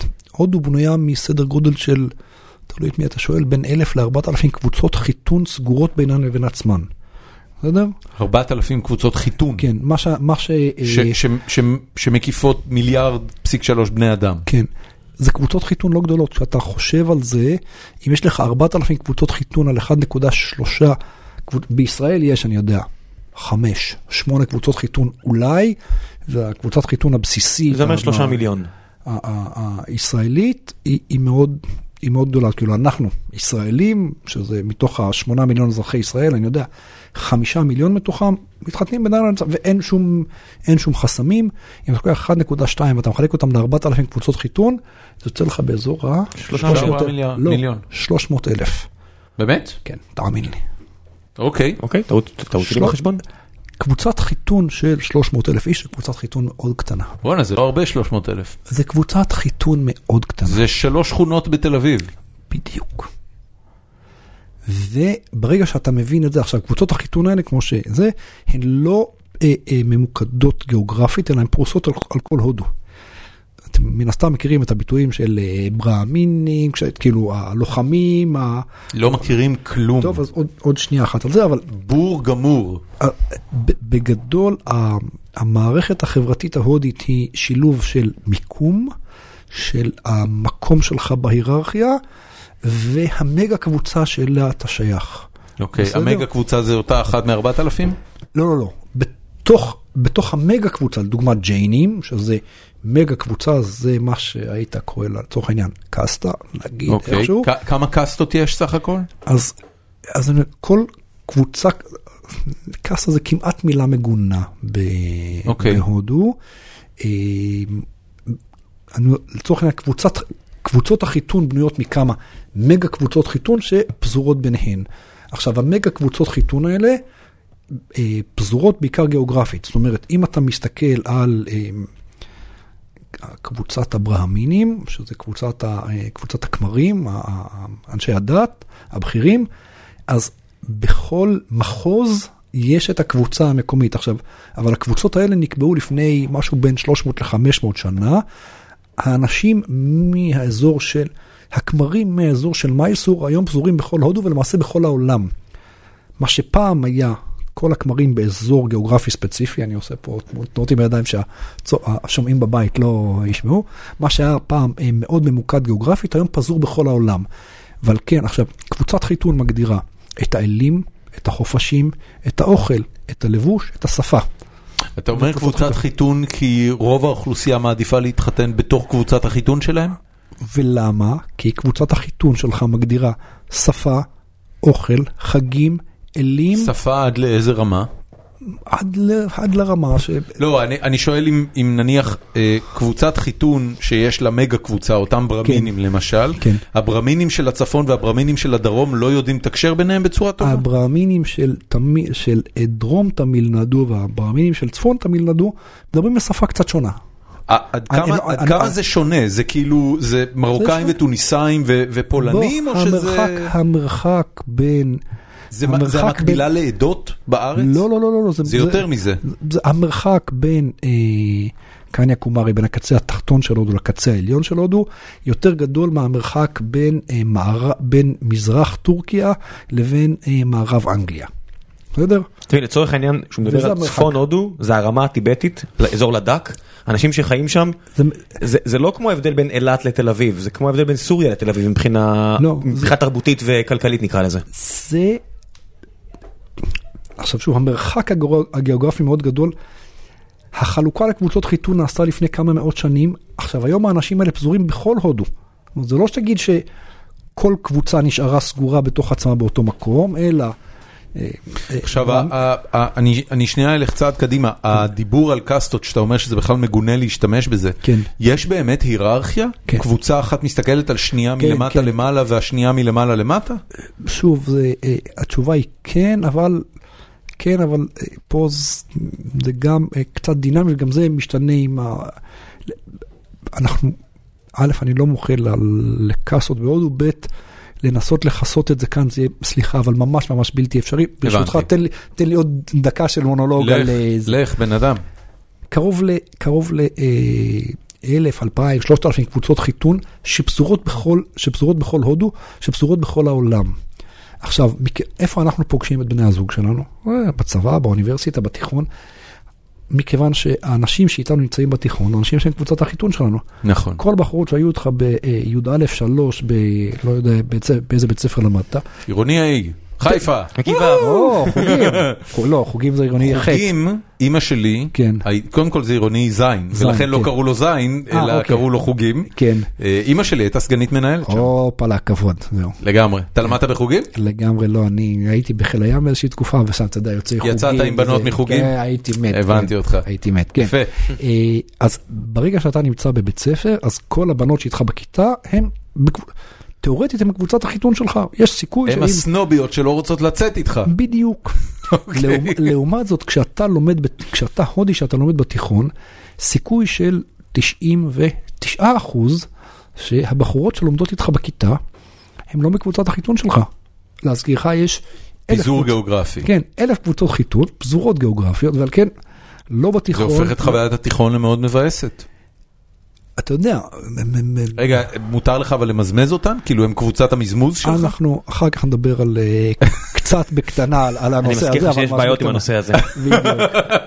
בהודו, אתה יודע, אני תמיד, הפעם היחידה שהייתי אה, במצב של אלימות בחיי הבוגרים, מהרגע שהשתחררתי, הייתה בהודו, כשהודי שלא, יהיה- הם לא- הרבה מהם לא יודעים לכבד אה, גבולות, במיוחד עם נשים אה, מערביות, כן. פשוט תפס ידידה שלי, ונאלצתי לבהות בו. כן, כן. מה זה תפס? תפס. אחז, אחז באיברי אחז, המוצנעים. אחז בלי רשות, grabbed her by the pussy? איפשהו בגופה, בלי רשות, היא מאוד התעצבנה. ומה. זה נאלצת לבהות? לא הבנתי. לבעוט, לבעוט, אה, לבעוט, לבעוט, לבעוט בעטת בג- בו. לבעוט בגופו כאילו היה כלב שנושך את הכלב שלי, הבנתי. ממש חזק. אבל. ואני חוזר לזה, וזה נראה בסדר לכולם, זה כאילו כמו שכלב גדול תוקף את הכלב הקטן שלך ואתה בועט ואז הבעלים שלו יגיד אוי אני מצטער מצטער טוב שעשית את זה, ככה הייתה ככה הייתה התגובה של הסביבה שלו, זאת אומרת, הם- הבנתי, אוקיי. הם קיבלו את זה לגמרי בהבנה, אתה יודע, שבעטת בו. היית- זה היה במקום שנקרא ג'אמו, ג'אמו זה מקום שבלוני פלנט, זה זה חלק מג'אמו קשמיר, ועל ג'אמו בלוני פלנט יש שורה אחת, Don't go there. זה- זה אז לא- ראם הלך לשם. בוודאי, זה לא באיזושהי הגזמה פירית, זה באמת מקום שנראה כמו איזה משהו מ- מסרט מדע בדיוני, אבל בחלק הרע של הרעים. אוקיי. כן. ו- ושם... גידי פריים, אתה אומר. ממש, ואפילו הם הבינו את הסיטואציה, אמרו, הוא צודק. הבנתי. טוב, לענייננו, אני חוזר שוב, מכיוון שאתה, קבוצות החיז- החיתון מאוד פזורות, הדרך היחידה למצוא אה, בן בת זוג זה על ידי שידוכים. הבנתי. אתר השידוכים הגדול בעולם, בערת מטרימוניאל, אה, הוא כמובן הודי, בערת מטרימוניאל, עכשיו אתה נכנס שם, הם חתיר, מגדירים בדיוק, יש אני- 4,000 תתי קבוצות שאתה יכול... אתה מגדיר בדיוק מה התת קבוצה שלך וזה, ו... עכשיו יש שם חתיכת קודים, אתה יודע, צריך להכניס במודעה יחסית כמה קטנה. שפות שונות יש בהודו? באופן רשמי, כשאתה צריך עש- לעשות לוקליזציה של אתרים. 20, 27 שפות רשמיות, אה, כמה מאות מה מה ניבים. הופך שפה לרשמית בהודו?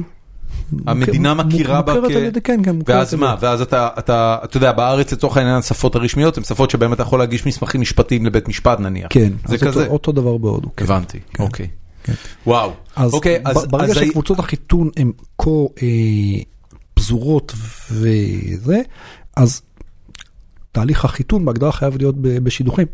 אין לך שום דרך אחרת. אין לך סיכוי למצוא, אין dating, אתה אומר. כן, אין לך סיכוי למצוא בת זוג בסביבה, בסביבה ה native שלך, כי, כי אין. יש כנסים כאילו? לא, זה לא כנסים. לא, אני, אני אומר כאילו, אתה יודע, אם, אם קבוצות, אם, אם הקבוצות האלה כל כך מפוזרות גיאוגרפית, יש להם נניח תאריכים או ימים בשנה שהם פשוט כולם באים לאותו מקום ונפגשים בו? לא תמיד היה היה- אינטרנט. לא, יש אה, תהליך של... בזמנו תהליך ה dating היה פשוט נעשה במדור ה dating בטיימס אוף אינדיה, כן? הבנתי. הוא- שמונה... הוא נראה כמו ספר טלפונים בטח, כן. אתה יודע. כן, בדיוק. לא, ב- בזה, אתה... עכשיו, מי מפרסם... זה אחלה ביזנס. מי מפרסם בטיימס אוף אינדיה? כמובן העשירים הם אלה שהולכים לטיימס אוף אינדיה הזה, אבל בכל, כן. בכל עיתון מקומי חלק גדול מאוד מההכנסות... היכרויות. זה, זה היכרויות. תחשוב שזה בדיוק כמו שאנחנו מכירים משוק ה classifieds, כן, שאתה יודע. למכור רכבים היה פעם בלוח ידיעות ועבר להיות באתרי אינטרנט, כן, זה, היה- המודל של עיתונות, הלוחות היה המודל.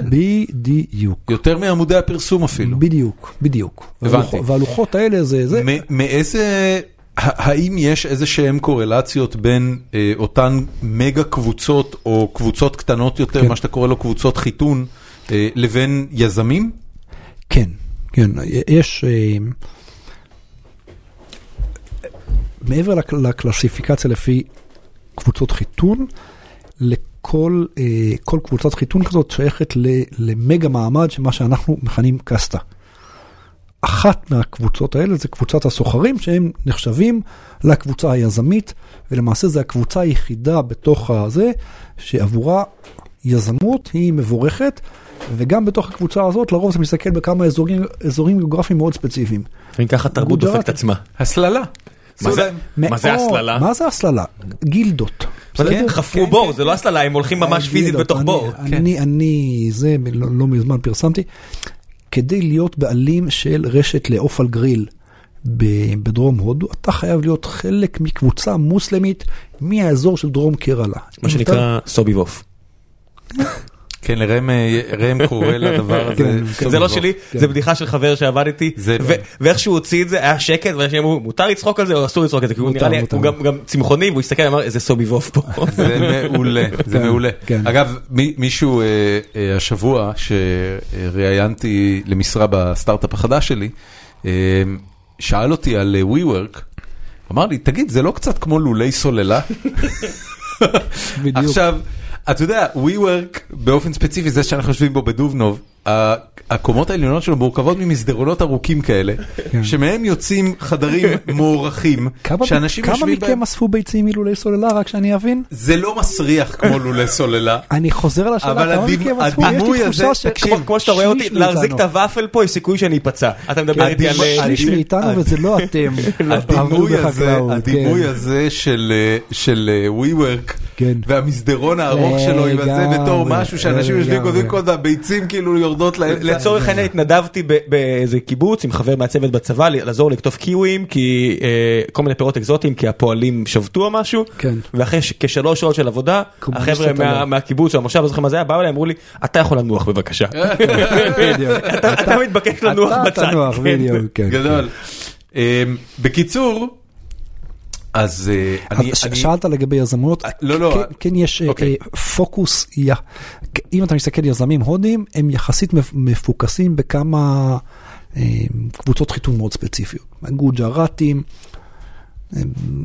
גוג'ראטים ככה הם נקראים? אה, מאזור שנקרא גוג'ראט, לא משנה כאילו באיזה זה, אבל גם בתוך הגוג'ראטים, ב- בקסטה שלהם, בקבוצת חיתום הספציפית הזאת, שם כולם יזמים. כן. לא משנה, יש שם תת קבוצה של יזמי נדל"ן, ותת קבוצה של יזמי יהלומים, ותת קבוצה של יזמי תעשייה, אבל כן. אנחנו מכירים אחד מהיהלומים ההודים כן. We do.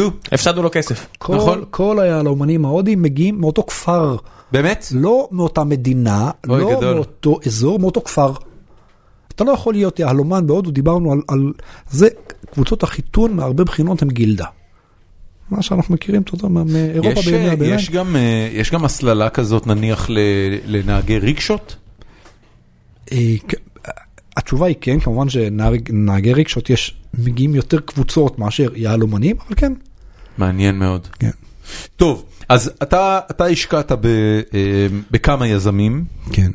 כמה השקעות עשית ב, בתקופה הזאת של אינטל קפיטל? אנחנו ב-2003 השקענו תוך שנה, השקענו ב-12 חברות, מתוכן אה, שתי השקעות נמחקו, שלוש השקעות החזירו את עצמן בקושי פי שלוש, פי ארבע, אה, עוד...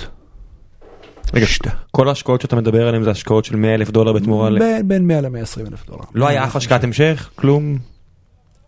אה, כי זה בעצם רק השנה הראשונה אז עדיין לא הספקתם לעשות? לא, זה, טס כלפי מעלה בטירוף, היו שתיים שלוש חברות שהשקענו עוד איזה חצי מיליון דולר בהשקעת לא המשך. מצ- אתה יודע, פה בארץ שאתה מגייס ממישהו והוא לא משקיע את ההשקעת המשך זה מיד מדליק כל נורה אדומה אפשרית. לא, לא היינו צריכים, כי? כי אה, חברות שהשקענו בהן 100 אלף דולר זה היה חלק מההשקעה של חצי מיליון דולר, של מיליון דולר, אה, מכיוון שאז עלות ההעסקה הייתה אפס. העלות של העובדים גם. למפתחים, גם לבודקים, לכל? אה, אפס, אפס. אז, ב-2003 זה היה אפס. אפס במונחים מערביים, בסדר? ש-100 אלף דולר הספיק לך לכמה זמן ליזם? שוב, אנחנו, שוב, אנחנו בוודאי, השקע, בוודאי. השקענו, אני אומר, חלק מסיבוב של חצי מיליון דולר, חלק מסיבוב של מיליון דולר. אז נגיד מיליון דולר מיל- לחברה, כמה זמן זה מספיק? מיליון דולר הספיקה לחברה לשלוש שנים בקלות. בישראל סטארט-אפ ממוצע, בוא, עלות עובד היום בישראל, אם אני זוכר נכון, סדר גודל של 15 אלף דולר לחודש, עלות. נכון, כי רוב האנשים לא- לא- לא- לא מכירים בזה. שהמשכורת שלכם תוסיפו עוד 30 אחוז רק על השכר, פלוס המשרדים, פלוס נכון, ה- זה 15 15 התקורה אלף- מסביב. כן. 15 אלף דולר לחודש בחברה, אתה צריך, חברה שמכבדת את עצמה, אתה צריך, לא יודע, 15 15 עובדים, 15 עובדים, אתה כפול 15 אלף דולר, אתה בחודש, מתחיל- כן. אתה מתחיל מלמעלה מ-200 אלף דולר בחודש, בהודו, עם חצי מיליון דולר, אתה מחזיק שלוש שנים. כולל הכל, ב-2003. ב-2003-2004, כולל הכל. המשכורות הרי אני יודע שעלו שם. שוב, מה שהיה אז ומה שהיום מאוד מאוד מאוד שונה, מאוד. איך מתייחסים באינטל לעבודה הזו שאתם עושים? אתם מתחילים למשוך תשומת לב מקודקודים ב...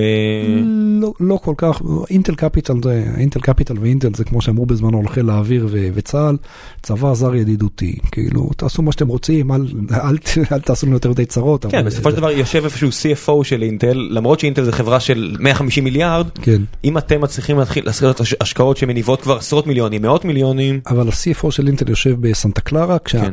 כשאנחנו יושבים בתוך אינטל ב- בהודו, מנכ"ל אינטל בהודו, כאילו נורא נחמד לו, הוא, הוא, הוא, הוא היה מאוד שמח שלנו. כל השקעה של, השקעה זה דרך מאוד מאוד טובה ליצור אה, אימפקט PRי חזק ויחסים מאוד טובים עם הממשלה המקומית. אבל כן, מנכ"ל אינטל הודו, היו לו כל האינטרסים בעולם שאנחנו נשקיע, אבל לא באמת אכפת לו מה היה הריטרן. רק תשקיעו, תראו לי PRים, תראו לי זה, הוא רוצה להצטלם ביחד עם היזמים, זה מצוין. זה, עד מעבר לזה אני לא רוצה. אבל. אני, אני, אני רואה הודו, יש הרי חברות ענק בהודו.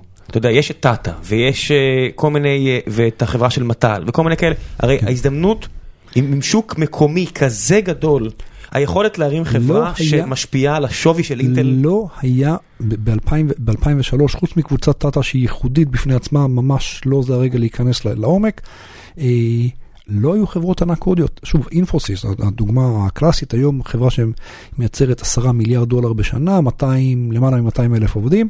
בשנת 2003 היו שם אה, סדר גודל של 15 אלף עובדים, שזה אז טיפה בים. מאוד כאילו, מזכיר כלום. את uh, צין בעצם, שגם ב-2003 חוואוי הייתה בעצם יתוש קטן שהציק נכון, לחברות, נכון. והיום היא ענקית. אה. נכון, נכון, נכון, והיום אינפוסיס, אינפוסיס אימפריה, אינפוסיס, TCS, ויפו, כולן חברות של למעלה מ-200 אלף עובדים, כבר אה, אה, חברה שמשפיעה על סך הכל השוק העולמי. אה, ב-2003 עדיין הודו הייתה באמת טיפה בים. והתחלתם אבל לפחות לקבל יותר תקציבים, יותר עובדים. תעשו, בגדול הגישה הייתה תעשו מה שאתם רוצים, רק תעשו. אתם- החסמים לא היו בתוך, אה, בתוך הודו, החסמים היו יותר אה, באינטל בעולם, שהתייחסו במידה מסוימת של צדק למה שקורה בהודו בתור משהו שא', אנחנו לא בדיוק מבינים מה קורה, ב', זה בטח לא איזה innovation, זה לא איזה... אה, זה, זה, זה לא משהו, זה לא הסטארט-אפ הקלאסי שבאמת משנה את העולם, אתם משקיעים פה בכל מיני חברות שעושים דברים שהם נחמדים ואולי, ואולי נעשה מהם כסף, אבל זה, זה לא באמת מעניין ברמה של אינטל בתור חברה שמחזיקה מעצמה חדשנית ומובילה וכן הלאה, אתם לא משקיעים בחברות שהן פורצות דרך, והם צודקים. יש, יש אה, בכל האקוסיסטם ההודי הזה של סטארט-אפים, אה, אני, אני מאוד מבין את מה שאתה מתאר על לקחת רעיונות טובים מהעולם ולעשות להם אדפטציה לשוק המקומי. כי זה משהו שכמעט בכל מדינה קרה בקנה מידה די גדול. ברוסיה, כמובן, רשתות חברתיות מאוד הצליחו והרבה חברות אינטרנט הצליחו ככה. אותו דבר באירופה, אה, יכול להיות אפילו שבאפריקה, אני לא יודע איך נראה האינטרנט האפריקאי. כן. אבל האם אה, היה משהו שמקביל אה, בהודו לעבודה שקורית. עם, אה, האקדמיה?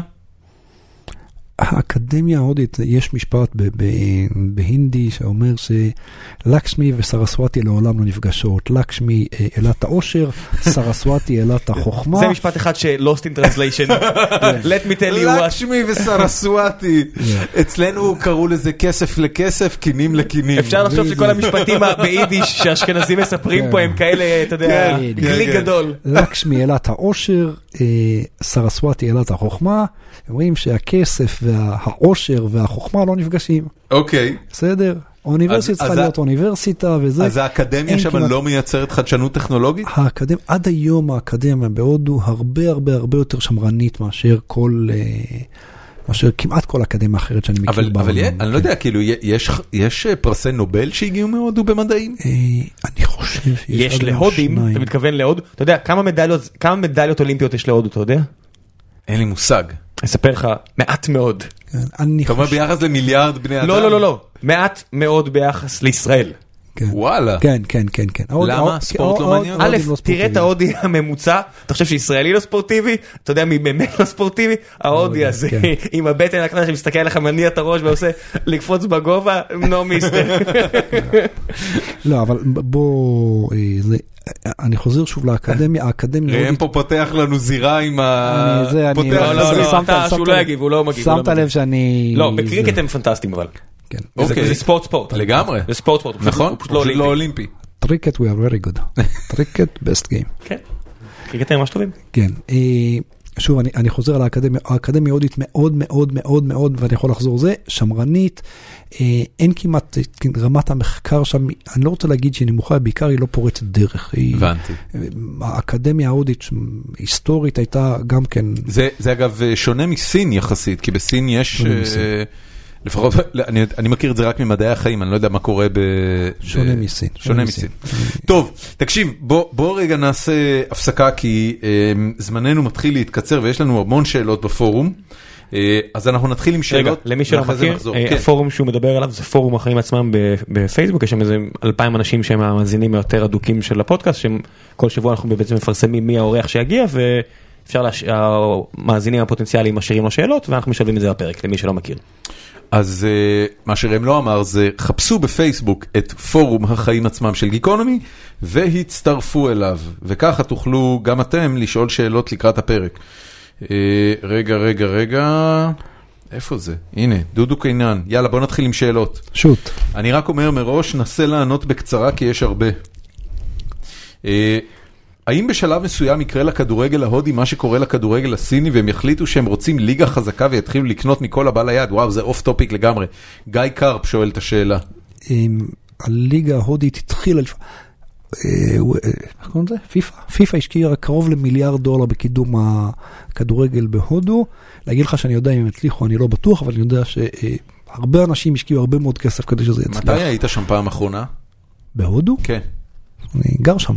אה, אתה פה רק לביקור? כן. אה, וואו. למקרה שזה לא היה, Yeah, I was כל- not aware of כל that. הטוויטר שלו שנשים שם לינק מלא בתמונות צבעוניות ולא אני- סיפורים אני- צבעוניים ליתר דיוק. ללכת למשחק כדורגל זה עניין... אה, לא, זה עדיין, עדיין, סליחה. זה לא. במיינסטרים. לא. לצורך העניין מי שלא מכיר הליגה הסינית משקיעה הון עתק עתק בלהביא כוכבים אה, בסדר גודל עולמי משלמת כן. להם משכורות הזויות ומותר. להביא רק אה, מספר קטן של זרים לכל קבוצה כדי לטפח את הכדורגל המקומי. מכיוון שהקריקט בהודו כה חזק, אה, והכדורגל עדיין ממש לא טוב. לא. כן. יונתן כאן שואל, זה כאן או כאן? Whatever. כבר שמעתי בכמה פודקאסטים על התוכנית של הודו להילחם בהון השחור על ידי ביטול שטרות מזומן. עד כמה התוכנית הזאת מצליחה והאם היא משפיעה על עסקים שמתנהלים בצורה חוקית?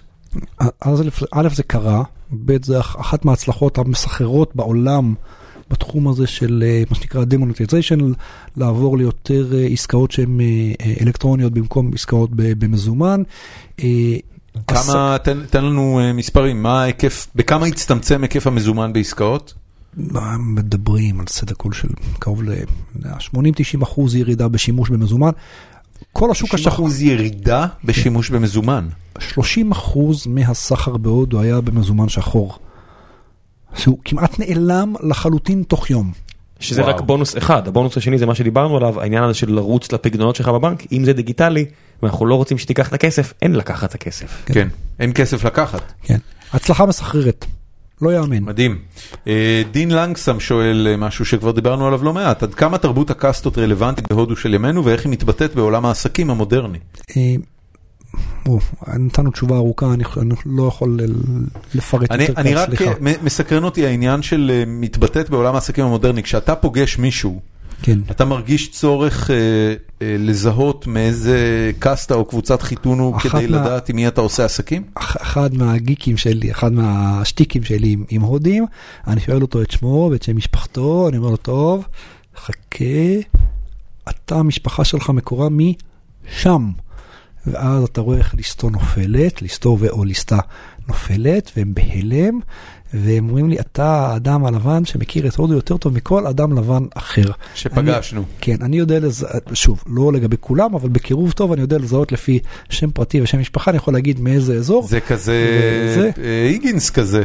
אה, כן, אני לא, טוב נו. יודע, היה לי- פגישה פעם ב-TI והגיעו משלחת מ- מאסיה ולפני שהם נכנסו מכל מיני, מ- מטייפה, מטיוואן ומהונג קונג ומסין ואתה יודע מכל המקומות ולפני הפגישה עברתי על על הרשימות ו- וזכרתי מאיפה כל אחד הגיע וכשנכנסתי אמרתי רק שתבינו שאני מכיר את התרבויות אז טיוואן, סין או יפן זה זה זה וזה כל החדר היה בשוק הוא אמר you can tell גדול. אמרתי, כן. ברור איך- שלא. איך אתה יודע? עשיתי את התחקיר. הבנתי, אוקיי. ביררתי לפני. I read the book. I read the book, אמ, כן. אסף כהן שואל, אה, האם מודי, מודי? מודי. מודי יצליח בהנפקת תעודות זהות ביומטריות לכל ההודים כפי שהוא מתכנן? איך זה יכול להשפיע על הכלכלה ההודית בדבר דיגיטציה ואפשרות לזהות כל אדם לפי האצבע הרשתית שלו? האם הניסוי הכלכלי רחב היקף הזה יהווה את המקפצה שהודו כל כך צריכה?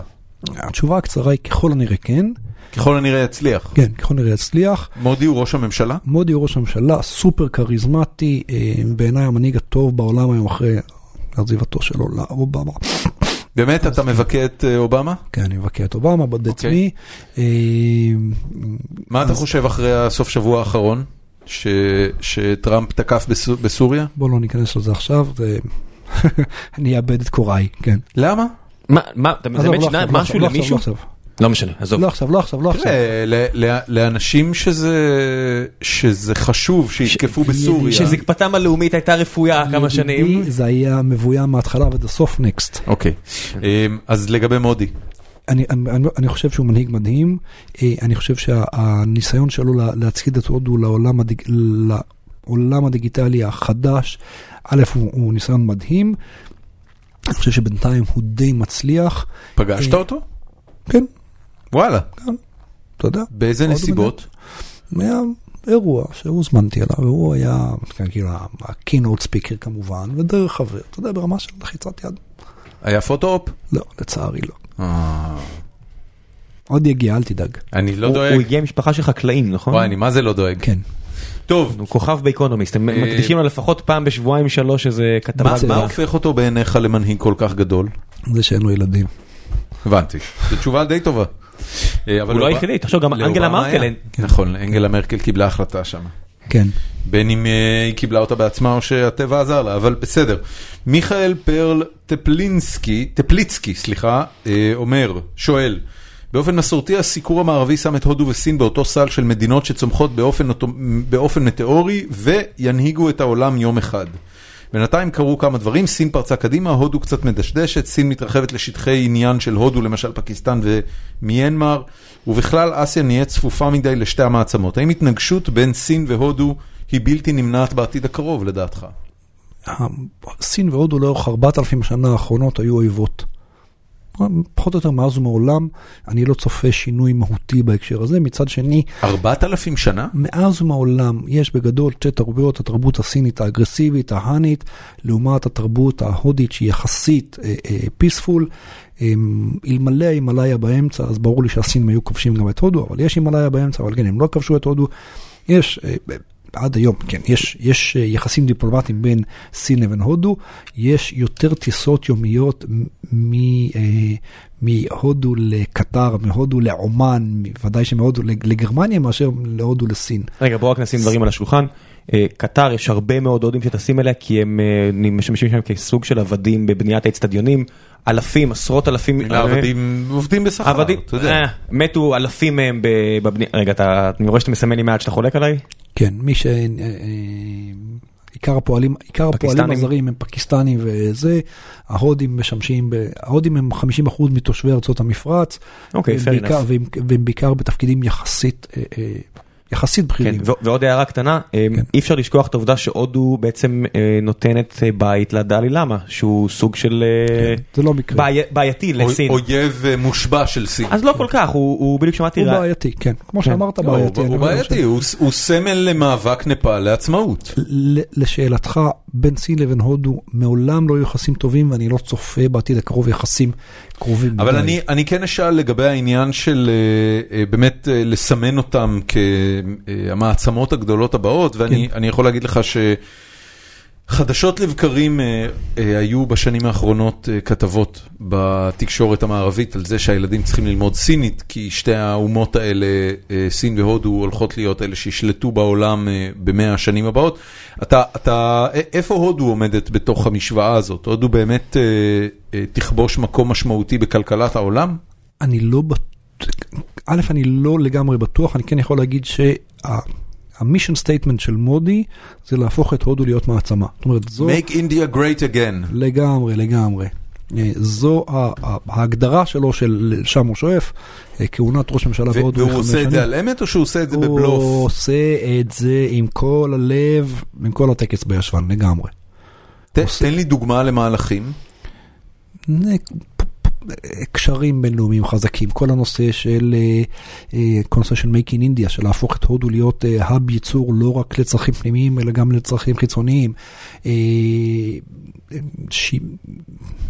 פתיחת, פתיחת הודו לתחרות מהרבה, בחירות, מהרבה בחינות, סגירת הודו לתחרות להרבה דברים אחרים על מנת לחזק את העשייה המקומית, אני יכול ללכת מכאן עד מחרתיים, בגדול, אה, אה, מודי. בניגוד ברור לראש, לכל ראשי הממשלה הקודמים של הודו, מציג את הודו בתור מעצמה, כאילו הוא חושב בתור מעצמה, חושב על אה, זה, פעם ראשונה שמנהיג הודי מדבר בצורה ישירה על אה, מקום קבוע, מקום קבוע של הודו במועצת הביטחון של האו"ם, לדוגמה, אני יכול לתת עוד. האם הוא גם עושה משהו אה, בהקשר לריבוי הכל כך גדול של זהויות שיש בהודו, או שבזה הוא לא נוגע? אין, אין, הודו היא אה, מדינה הטרוגנית, וזה כוחה. זו, המהות שלה וזה אף כוחה. אחד לא מנסה לייצר כור היתוך של הודי מודרני, לא, לא, לא. שיבטל את כל ההבדלים האלה, להפך. מטפחים את זה. אני לא רוצה להגיד, שמטפחים את זה, אבל ללא ספק מודי מקבל את זה. מאיזה, מאיזה קבוצת ייחוס מגיע מודי? מודי מגיע, הוא גוג'ראטי, מה שהוזכר קודם, אזור הידוע. ביזמים שלו, משם הגיע גם אה, אה, גנדי, מהטמה גנדי, אה, כן. ויש עוד משהו שחשוב לציין, ששוב, להודו יש את האוכלוסייה המוסלמית הכי גדולה בעולם. איזה 150, 160 מיליון, משהו כזה. כן. זה- זה זה לא משהו שהוא, אתה יודע, אתה לא, כשאתה אומר כור היתוך, הם מוסלמים לפני שהם הודים, או שהם הודים לפני שהם אל מוסלמים? תשכח שהודו נמצאת בין שתי מדינות מוסלמיות די גדולות, גם בנגלדש וגם פקיסטן. נכון. מעבר- למוסלמים, בוא, במרכאות, המיעוטים הבעייתיים בהודו הם לאו דווקא המוסלמים. התמילים באזור תמיל נדו, אה, משך כמה פעמים במהלך ההיסטוריה ניסו להקים מדינה עצמאית בתמיל נדו שתתחבר למעשה לחלק הצפוני של סרי לנקה. הסיקים במדינת פנג'אב ניסו להתמרד ולהקים מדינה עצמאית בחלק הזה. היחידים שקיבלו זה הבוטנים. כן, אבל זה פיסה בים, 100 איש. כן, נכון, כן, לא וה- נחשב, ועדיין, כן. אתה יודע, ש- ש- שזה קרה- כשזה קרה היה דיבור, אתה יודע, היה שזה יהיה בעצם איזשהו תקדים, כן. ולא קרה. הם פשוט כן. כל כך מיוחדים. כן, כי זה באמת uh, טיפה בים. Uh, המוסלמים, בגלל שהם פזורים בכל רחבי הודו, הם לא באמת uh, מהווים איום על המרקם ההודי.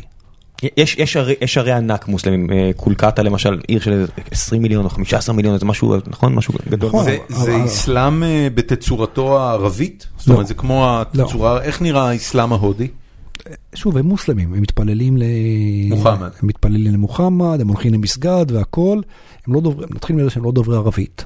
כן. הם, הם גם כשהם הם קצת קוראים... איך הם בק- קוראים את הקוראן? אז זהו, הם קצת קוראים בקוראן, כמו שאנחנו, כמו שהיהודים בזמנו קראו את, אה, את, את, את, את התורה, לא, הם לא באמת הבינו הרי. היהודים באירופה, לא משנה באירופה או בזה, לא באמת הבינו את מה שהם קוראים. אה, אותו דבר המוסלמים כן. ש, שקוראים את התורה, כל פעם שאני מדבר עם חבר מוסלמי שלי, לא משנה אם זה מוחמד או אחמד וזה, ואני מסביר לו את אה, מהות שמו, הם כולם אה, נמצאים בהלם. הלכנו לקנות בגד מוסלמי, סתם, היה לנו איזה חשק כזה, הלכנו לקנות בגד מוסלמי באחת הערים המוסלמיות הגדולות, בגד אה, מוסלמי כזה מסורתי, ובזמן שהם מכינים לנו את זה, הבחור מביא לנו הרצאה על איך היהודים ישלטו בעולם ואיך הישראלים בעצם יעשו את זה, ואנחנו אומרים לו, אנחנו אומרים את זה עליכם. זה נכון. אה, בהערת אגב, יש אה, באמצע בין אה, הערצה לבין התייחסות ליהודים, ההתייחסות ליהודים בהודו היא מעבר לכל פרופורציה. מה הם יודעים על יהודים? מעט, אבל מעריצים אותנו. זה אתה אשם. לא, זה עוד לפניי.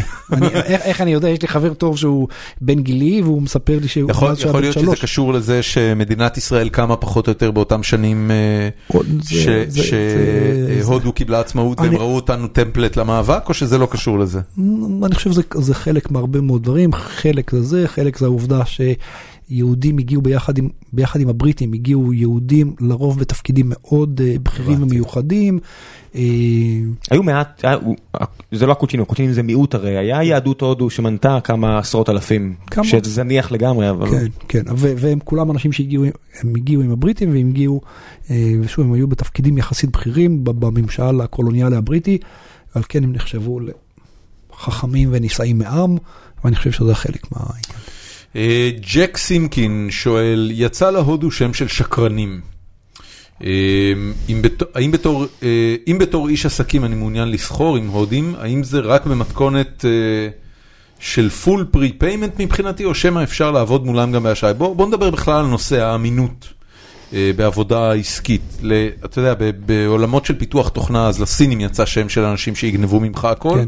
אה, איך זה עובד מול הודו? איך הודו נתפסת מהבחינה הזאת? אני, אני אתחיל מהצד של אה, זכויות אה, יוצרים ואחר כך נעבור לנושא של שקר בכלל. זכויות יוצרים בעוד אחד הדברים שלא כל כך נאכף על נשמר ברמה הכי אה, אה, קפדנית, בעיקר כי הודו מאוד מאוד מפחדת שיצא לה שם של מקום שגונבים בו הכל, אוקיי. אה, זכויות יוצרים, ועל כן בקירוב טוב אין כמעט בעיה של זכויות יוצרים בשוק ההודי. אוקיי. אה, לעומת זאת הנושא של שקר, אה, מכיוון שהתרבות תרבות הדיון היא מאוד שונה, אנחנו כולנו משתמשים, משתמשים בשקרים כל הזמן, רק אנחנו קוראים להם שקרים לבנים. מה שלומך היום מצוין, כמובן שאתה לא מספר שכרגע יש לך ציפורת חודרנית שזה, או שהילד שלך אני כן, בדרך הביתה. אבל הוא כן, אני, אני לא. אני של- מיד שלא- לדבר על זה. שבמשא ומתן, אתה יודע, השקר הוא הנורמה. בדיוק, זה, אה, זה, תאמין לי, לי זה עולה יותר, כשאנחנו אומרים את זה, כשאנחנו אומרים את זה במשא ומתן עסקי, זה נראה לנו הכי מובן מאליו. בסדר, זה כן, אתה יודע, אתה פותח ואתה אומר, אה, אני לא בטוח. שאני רוצה לקנות את החברה שלך. בדיוק. נד- עזוב, אתה- אה, אני כבר בדרך החוצה. בדיוק. עכשיו זה אה, בעינינו, זה חלק מתרבות עסקית הכי, זה, אף אחד לא יקרא לך שקרן אם אתה משתמש ב, בדרכי הביטוי האלה, בסדר? דרכי הביטוי ההודיות הן שונות. עכשיו מכיוון שאנחנו לא מבינים אותם, אז דברים שנראים לאדם אחר בתור, אה, להודי, נראה אמירה טריוויאלית. לנו זה נראה בתור אה, שקר גס. אתה בעצם אומר זה רק עניין של, של קליברציה, זה עניין של כן, לחייל ל- את עצמך ל... לגמרי, לגמרי, לגמרי. מה, מה זה כולל הכיול הזה? למה צריך להסתגל? ל- אה, לספן, ל- ל- לספרד היחסית רחב.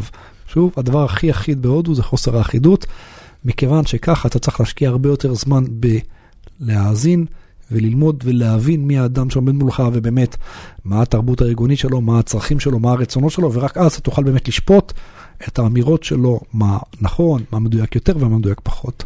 טוב. אמ, אה, ג'ק גם שואל אה, אם הוא רוצה, הוא אומר אני רוצה להביא תיירים הודים לארץ ומאיפה כדאי לו להתחיל. אמ, אתה מביא הודים לארץ? זה לא העבודה שלנו להביא תיירים הודים, אנחנו אה, חברה ל... אתם מביאים אנשי עסקים כן, הודים? אנחנו, אנחנו מארחים אנשי עסקים הודים בישראל, אבל כאילו זה לא, הביזנס שלי זה לא להביא אותם לארץ, הביזנס שלי זה לעזור להם לעשות עסקים בישראל. מה הם רוצים לעשות בישראל? למכור פה? לקנות פה. לקנות פה. כן. מה הם רוצים לקנות? אה, טכנולוגיה. בגדול, היחסים העסקיים הישראלים הודים הבסיסיים, זה מצב שבו הפיתוחים הטכנולוגיים הבסיסיים נעשים בישראל, וההודים יודעים לרכוש אותם, ולא, וזה לא משנה כרגע אם הם רוכשים אותם בצורה של מוצר מוגמר, בתור מוצר חצי מוגמר, או בתור טכנולוגיה על מנת לייצר את זה בהודו, בתור טכנולוגיה על מנת, נגיד אם זה בתחומי התוכנה וכן הלאה, אתה לקנות את זה על מנת לפתח את זה עוד. יש איזשהו נציג של אה, איזושהי קרן הודית שתמיד שואל אותי, מתקשר פעם בחודש, שואל אותי אם אני כבר הכרתי חברה שמתעסקת בקלינטק או באיזשהם חידושים שקשורים לרשת חשמל, כי תחשוב, הבעיות שלהם מסדר גודל שונה לגמרי ממה שאנחנו נכון, מכירים, נכון. ב- בנוגע לתשתיות, בגלל שזה מיליארד איש? ושטח זה תת כן, יבשת. נכון, זה שטח. כן, אוקיי. וגיאוגרפיה. כמה גדול השטח למשל ביחס לצפון אמריקה? הצפיפות, בואו, שתי מילים על צפיפות. צפון אמריקה היא, אה, הודו כמו ישראל, יש, אם אני זוכר נכון, 3,000 אה, נפש לקילומטר רבוע. באירופה זה סדר גודל של 1,000 אנשים לקילומטר רבוע, בארה"ב סדר גודל של 300 איש לקילומטר רבוע. זאת אומרת, אנחנו, אנחנו והודו אבל- פחות או יותר באותה רמת צפיפות. אבל זה, פי זה, זה ממוצעים, בארצות הברית. אבל צריך, אתה יודע, יש, יש אזורים ענקיים בהודו שהם לא מיושבים. כמו שלנו יש את הנגב, אז להם נכון, נו, נו, הרבה יותר נכון להסתכל על הערים והבעיות שלהן, מאשר, אתה יודע, כי אני שוב, אני אומר, אז אתה מסתכל על לדק, כן. זה, זה אזור עצום, עצום, זה, זה, זה אזור עצום ואין בו כמעט אנשים. נכון, עד, עדיין, מבחינת הצפיפות הבסיסית, הודו, מקו, הודו מקום צפוף. ב- ב- ב- בבסיס של ההודו, צפופה פי שלוש יותר מאירופה. היא צפופה כמונו, אבל אנחנו מקום צפוף. מבחינת שטח זה שטח ענק, זה, זה, זה, זה מבין. אני חושב, השש, שבע המדינות הכי גדולות בעולם, מבחינת גיאוגרפיה. טוב, אמ, מושיקו בן גן שואל, יחסי הודו-פקיסטן באזור המריבה קשמיר, אה, האם מכת האונס, או, או, מח- מחייגים אליי כמו משוגעים, אמ, האם מכת האונס היא כותרת עסיסית או באמת מגפה לאומית, תוכניות לטווח ארוך של הממשלה ההודית, מה עושים עם כל המיליארד פסיק שתיים מיליארד איש שלא ניתנים לריסון? כלומר, האם המדינה בדרך לקטסטרופה? מושיקו, הרסת את הודו במאה מילה. זה, זה, בוא, בוא נסת- נסתכל ראשון, ראשון ואחרון אחרון. בין הודו לבין פקיסטן יש יחסים מתוחים בהגדרה, שוב, אה, הודו מדינה שאיפשהו בתחילת שנות ה-90 התחילה להתפתח, פקיסטן נשארה מאחור, והיום הפערים הכלכליים הברורים בין הודו המפותחת יחסית לבין פקיסטן הלא מפותחת, גורמים למתיחות יומיומית. אה, וגם פה אני לא רואה מצב שבו זה הולך להיפתר בצורה כזאת או אחרת, בפרט שלפקיסטן יש המון בעיות מבניות.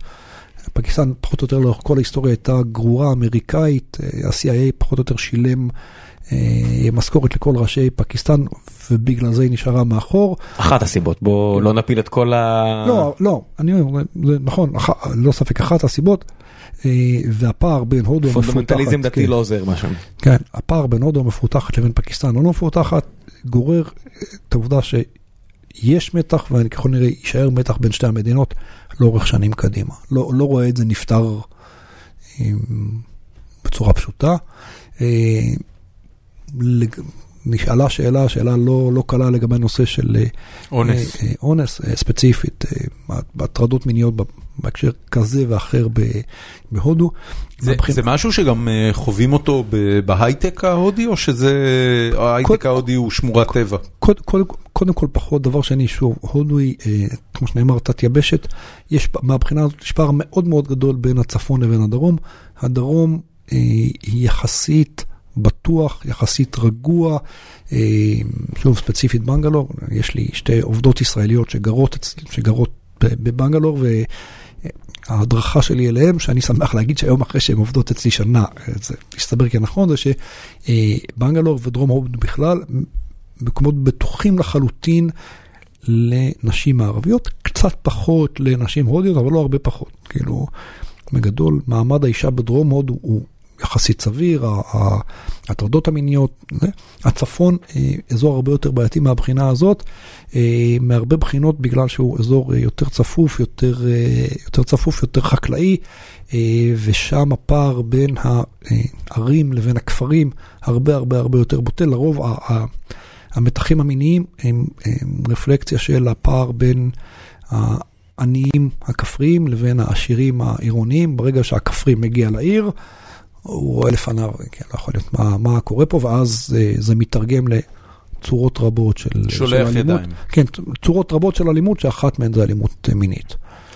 טוב, אה, אני, אני רק אשאל, למה מושיקו חושב שהמדינה בדרך לקטסטרופה? יש שם איזה בעיות שהולכות ומחמירות שעשויות... אה, הודו, באמת מכל, מכל המדינות הגדולות בעולם, אני חושב שהודו נמצאת כרגע בנתיב הכי חיובי מכל המדינות המובילות בעולם, אני מצפה שהצמיחה שם תמשיך, לא- לאו דווקא כרגיל, אלא בכלל, אה, הודו תמשיך להיות מדינה מובילה בפיתוח שלה בחמש, שבע, עשר שנים הקרובות. מה רמת המעורבות של, זה שאלה שמגיעה מיאן לזרב, אה, שהוא מניח שאתה תדבר על העסקאות הביטחוניות, זהו משהו שהוא מתחת לרדאר, אבל מדובר בסכומים גדולים וכנראה שת"פ מאוד רציני. מה... זה לא מתחת לרדאר, זה, זה דבר, כל הדברים האלה, כל החוזים של ממשלת הודו הם חוזים שהם מפורסמים אה, בעיתונות. יש שקיפות רשמיים. בממשלת הודו. כן, יש שקיפות בחוזים אה, זה, בממשלת הודו.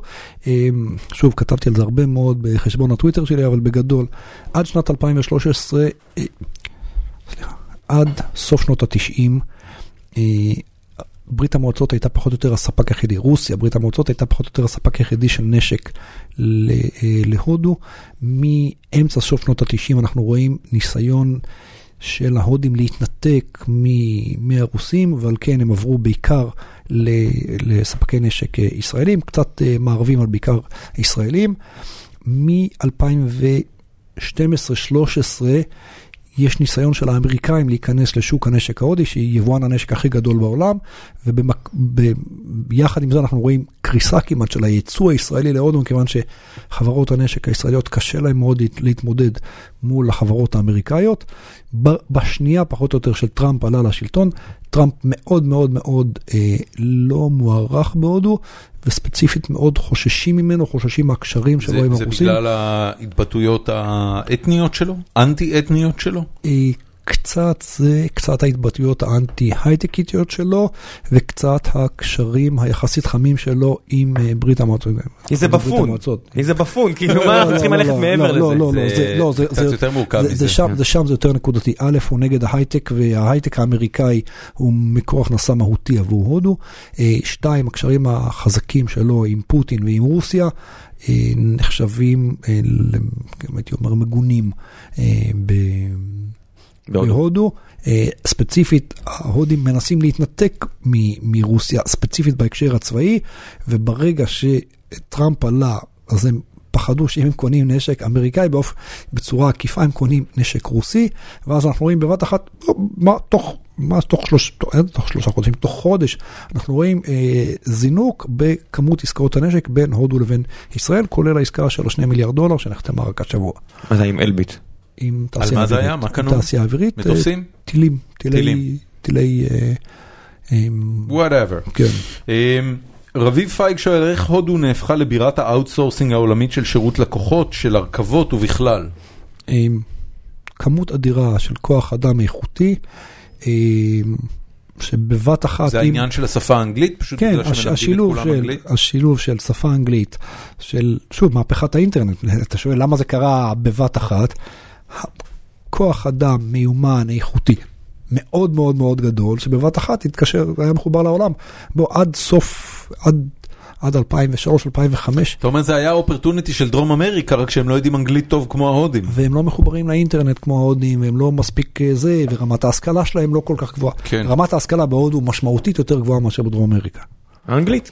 יש גם את העניין לא, של לא, אנגלית. אני אומר, אנגלית, אנגלית, השכלה, אה, תשתית תקשורת, תשתית ניהולית. אריק שחף שואל שאלה מאוד כללית שדווקא מאוד מוצאת חן בעיניי, מה אנחנו יכולים ללמוד מההודים? לתכנן לטווח ארוך. ספר לי על זה. אמ, אולי האמירה הכי חזקה של אנשי עסקים הודים שעובדים הרבה עם ישראל, כשהם נפתחים איתי אחרי שאנחנו כבר חברים תקופה ארוכה, אומרים, "תשמע, אנחנו עובדים אתכם. אתם אחים, אתם חברים, אתם אנשים אה, חמים ונעימים ומשכילים. אתם מסוגלים לתכנן שנה קדימה, שנתיים קדימה, שלוש קדימה. אנחנו מסתכלים 10 ו-15 ו-20 שנה קדימה, וכשאנחנו מנסים לנהל דיאלוג מול חברות ישראליות על long term relationship, אנחנו מרגישים שאנשים בצד השני פשוט לא מבינים על מה אנחנו מדברים. מה, מה, מה זה long term relationship? 15 שנה, 10 שנים קדימה, 15 שנה קדימה, על מה, תן לי דוגמה לסוג כזה של דיאלוג, מה, על מה הם רוצים לדבר 15 שנה מראש? אני, אני אתן לך דוגמה לא ישראלית הודית, אבל היא מאוד אה, זה, אה, חברת אה, טאסה החליטה שהיא נכנסת לנושא של ייצור חומרים מרוכבים לטובת מוטות האורך של ה-787, קורות האורך של ה-787, אתה משקיע היום... 787 המטוס של המטוס, בואינג. כן. אתה צריך להשקיע היום קרוב ל-100 מיליון דולר, על מנת שבעוד חמש או שמונה או עשר שנים תתחיל להיות רווחי. אני לא מדבר על להחזיר את ההשקעה, אלא רק תחילת הרווחיות תגיע רווח בתוך ש- תפעולי. כן, תגיע בעוד אה, שבע שנים. חברה ישראלית לא מסוגלת להסתכל על זה שוב, אני, יש כמה אקספשנס. בודדות. ממש בודדות. אמדוקס חברה מהבחינה הזאת אתה שחושבת... חושב שאמדוקס לא, חושבת לא, 8-10 לא, שנים לא, קדימה? לא, לא. אני, אני יודע... שה- אמדוקס לא מפתחת שום דבר לשמונה שנים קדימה. לא, אבל היא חושבת, אני קצת מכיר היא את ה... מנהלת- סליחה, ברור. אני קצת מכיר את ההנהלה של אמדוקס, אתה יודע, לא, לא מהיום, ההנהלה של אמדוקס של לפני חמש ועשר שנים, היו אנשים שלפחות ברמת ההסתכלות שלהם, הסתכלו מה יהיה בעולם בעוד חמש ו- ועשר זה שנים. אני מקבל לגמרי. וזה צ'ק פוינט, אני חושב שחברה ש, שפועלת ככה. לא, מבחינת זה גם בנק לאומי, אתה יודע, הפרויקט שאני עושה עכשיו, הם חשבו על 10 שנים קדימה, הם יפסידו עליו עכשיו הרבה שנים סך הכל. אני פחות, אני פחות מכיר, אני כן יכול להגיד ששוב, החברה הישראלית הקלאסית מסוגלת לפתור בצורה מדהימה בעיות קצרות מועד. קשה לה מאוד לתכנן, קשה לה, לנו לתכנן לאורך זמן, ובזה ההודים מאוד מאוד מאוד טובים. יפה. אתה יודע שאפילו העניין של השקיות, הרי בצפון הודו אסור שקיות ניילון. אסור שקיות ניילון. אין, אתה לא תמצא ב... איך נקרא המחוז אה, מתחת אל הדק? האזור הגיאוגרפי מתחת אל הדק, אה, אמא של פרדש? כן, שם- שם אתה לא תמצא שקיות. אין שקיות ניילון, כי אתה יודע, הם- מבינים שהבעיה של איכות הסביבה תהיה יותר אה, קדימה, ובערים ההודיות הרי כל האוטובוסים נוסעים על גז, נכון? כן. למשל, הנה עוד, עוד אה, מחשבה קדימה. פה בארץ, אתה יודע, שאין לנו נפט, אין לנו בטיח, ויש לנו גז, אין את המעבר הזה. כי לא חושבים, חושבים רק בוא נבזבז את הכסף עכשיו מהר של הגז. בוא נמכור אותו! בוא נמכור אותו Let's get עכשיו. rich! כן, עכשיו. טוב, אה, אני ארוץ ממש על, עוד כמה שאלות. יריב, סליחה, יאיר נאמן שואל, עד כמה השחיתות נפוצ, נפוצה בהודו? אה, התשובה הקצרה היא מאוד. מאוד אה, נפוצה. מאוד נפוצה. זה אומר שאתה צריך להשתמש בזה ככלי עבודה עסקי, אתה צריך לשחד לא. כל הזמן? לא. אני, בוא, אני אישית לא משתמש בשחיתות בכלל. זה לא אומר ששחיתות לא נפוצה, אבל אני אישית לא משתמש בשחיתות בכלל. אה, כן, מאז העלייה של מודי אנחנו רואים ירידה מאוד מאוד מאוד מהותית בשחיתות. לבריאות. באת לנו חולך? נשמה. זה לא חולה, זה- זה- הוא רוצה לתת אה, יותר ממנו אליך. מה זה? עשיתם אותי חולה. כן, שוט, זה- כן, We've we've heard that before. כן. שוט. אוקיי, אז אז אה, אתה נתקל בשחיתות ביומיום? כן. איך אתה מתמודד איתה? אה, שוב, הדברים, אתה יודע, השחיתות לפעמים בקטנה, יש לי דוגמה קלאסית, פעם נסעתי עם אה, חברה ישראלית מתחום ההדרכות הרפואיות, והיינו צריכים להגיע לאיזושהי פגישה, ולמעשה חתכנו פחות או יותר באור אדום אה, נגד כיוון התנועה בשביל להגיע בזמן לזה. כמובן שמיד עוצר אותנו שוטר, אני מוציא החוצה מהכיס 200 אה, רופי, נותן לשוטר ואומר לו בעברית, אצלך, אחי, זה בסדר, חייבים להגיע לפגישה, בוא, קח את ה-200 רופי ותן להמשיך. הוא מסתכל עליי, מחייך ונותן לי להמשיך. סיפור שהיה כך היה. זה הדברים הקטנים, אבל זה- זה עד כדי כך נפוץ שלא חששת לרגע, זאת אומרת לא אין שום סיכוי לרגע. שהוא יהיה הגון. לא, לא חששתי. בלאוס היה לי מעטפה קטנה של כסף למקרה מאוד ספציפי של עבירה מאוד ספציפית, למקרה ובא שוטר ואומר לך, זה אדוני בעייתי העסק הזה, קח, I'm done. זה הכל. כן. טוב, אמ, אוריאל דסקל שואל לגבי השפם, עד כמה שפם חשוב לתדמית ולעסקים? או, אה, איש עסקים הודי מכובד בקירוב טוב ילך עם שפם. שפם, לא זקן. שפם, כאילו, שפם וזקן? אתה יכול שפם וזקן, אתה יכול שפם בלי זקן, אבל בלי שפם זה... No respect. No mustache, כן. no respect. מאיפה זה כן. מגיע? אה, אני לא יודע. למודי יש שפם? למודי יש שפם וזקן. סליחה על ההיסוס, אבל כן, שפם וזקן. יא אללה. כן. מעניין. אני בהלם מזה שאני עולה לשאלה של דסקל, אבל בסדר, כן. הוא טוב, כדי, שואלים פה אה, הרבה על המלחמה במזומן. כן.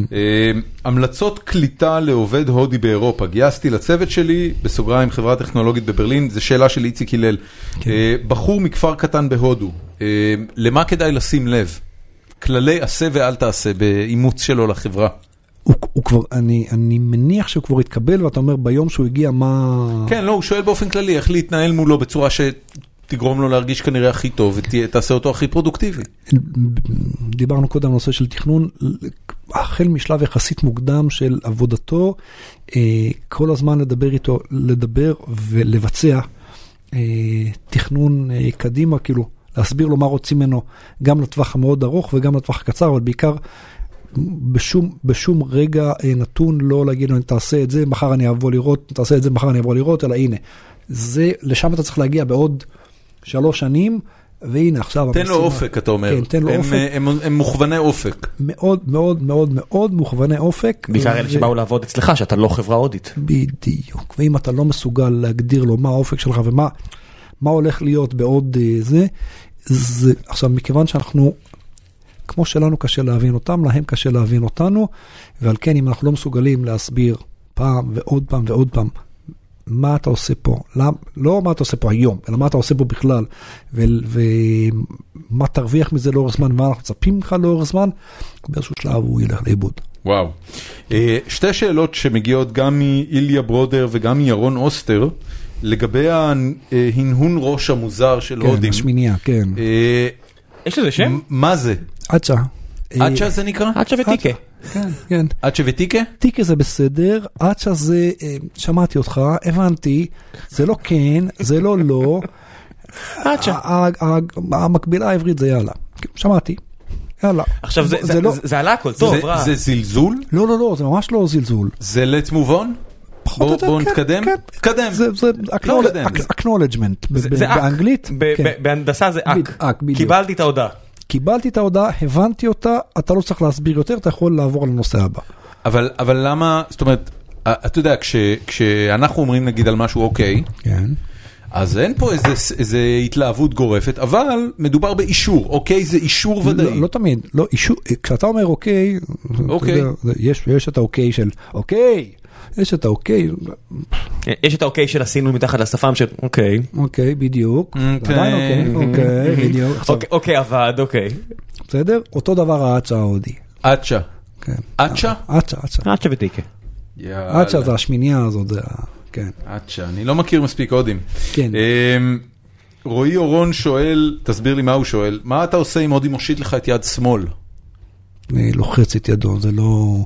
אה, ב- ב- בהודו, אה, נהוג לומר שבהודו אה, יד שמאל נחשבת ליד אה, טמאה, יד שבה משתמשים על מנת לנקות את הגוף ולא על מנת ל- להשתמש בו בזה, אלא אם כן האיש כאילו עושה את זה בצורה מבזה ובוטה, סביר להניח שיש לו את הסיבה שלו. אנשים לא שמאל-. אנשים שמאליים שאני מניח שגם שם זה 8-10 אחוז מהאוכלוסייה. 17 אני מבקש בכל העולם. ש- 17? כן. מה לא אתה אומר? אוקיי. הם- הם משיתים, הם עובדים על להשית את יד ימין? כי יד שמאל בעייתית? מה, זה גם בישראל, שמאליים. לא. גם, גם בישראל שמאליים מושיטים את יד ימין ללחיצה. תאמין לי. אני מעולם לא, אה, אה, לא אפילו. נתתי את דעתי לעניין איזה- איזה יד מה- מושיטים. מה שתשיט לי אני אקח. כן. שמאליים, שמאליים זה... כמו שהוא אומר בסיינפלד, you showed, you gave me your hand, so I shook it. are the niggers of the world, הם מרוויחים פחות, הם נכנסים אני אומר את זה על יותר לכלא. קרחים, בסדר, הכל בסדר. לא, זה לא נכון, לגבי קרחים זה לא נכון, לגבי שמאליים זה כן נכון. הם מרוויחים פחות, תוחלת חיים יותר קצרה. די נו, אה, מה תוחלת חיים יותר קצרה? לשמאליים יש תוחלת חיים יותר קצרה. מעורבים בתאונות, אתה יודע, זה חלק מהעניין. הכל, זה אפילו היה בן אדם שאמר שבוא נקים מפלגה למיעוט המדוכא- הנדכא הזה נקרא שמאליים. מרצ.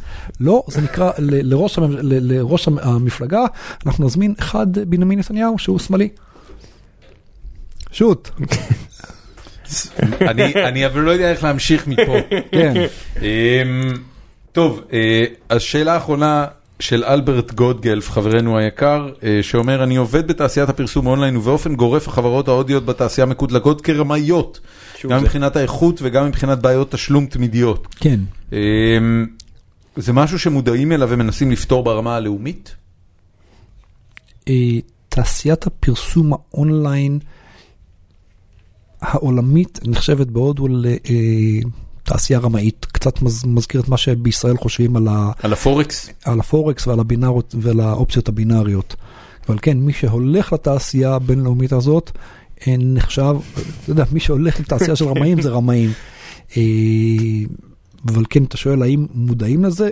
מכיוון שחושבים שזו תעשייה עולמית של רמאות, אז מי שהולך לזה זה רמאים. זה- זה כולל את גוגל? או שגוגל לא נכנסת? גוגל לא נכנס. לא, זה היה אפילו, נכנס, אני אני ואתה ישבנו מול מישהו שהוא הוא חבר ילדות שלי. והוא מגיע מהתעשייה הזאת, הוא מספר לנו באותו זמן על כל מיני טקטיקות שאנחנו צריכים לנקוט בהם, ודורון מעניין בראש, מעניין בראש, ואחרי זה עשר דקות שהוא מאזין הוא אומר, איך אתה חי עם עצמך? בדיוק ככה.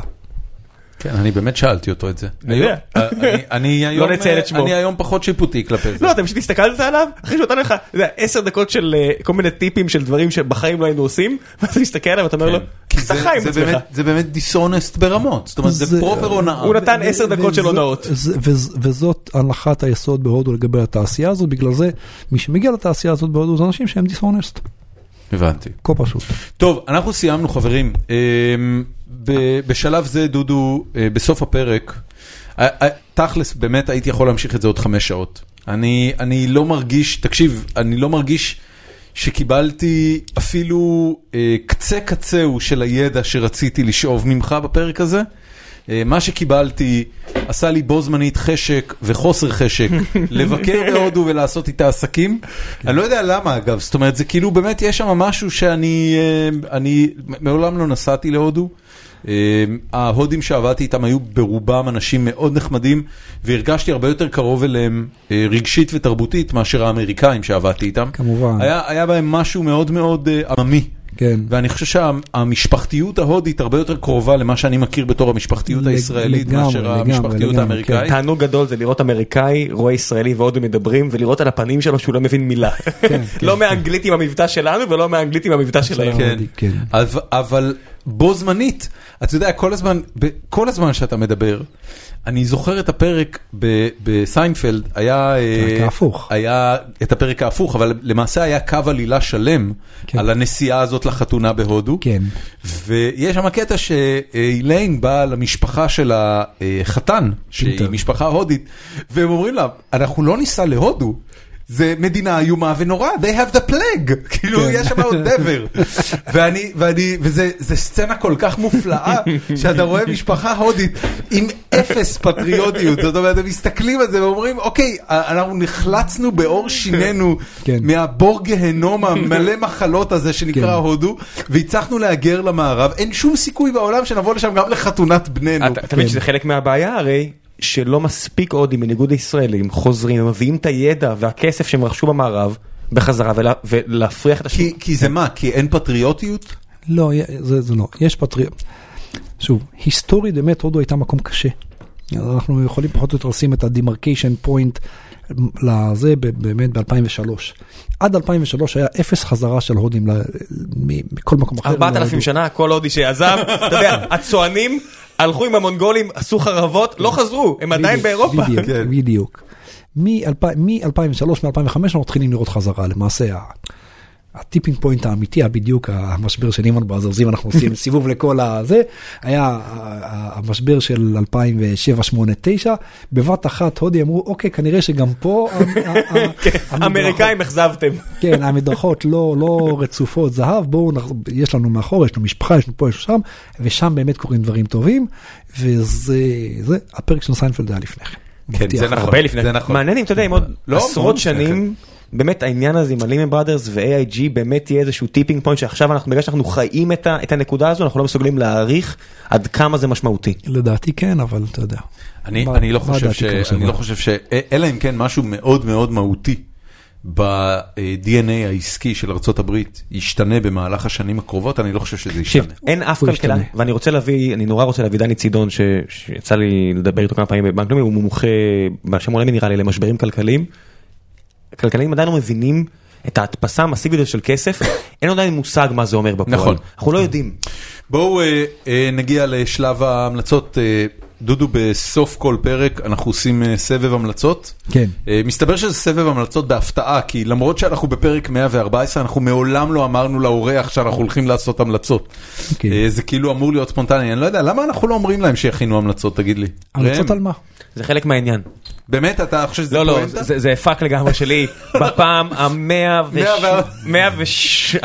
We never tell them. בקיצור, אה, המלצות על מה? המלצות על כל דבר אה, שהוא יכול להיות קשור להודו או לא. אתה יכול לקדם דברים, אם אתה רוצה לקדם דברים אישיים, אה, מה שבא לך, בסדר? כל דבר, באמת. ראם, תתחיל.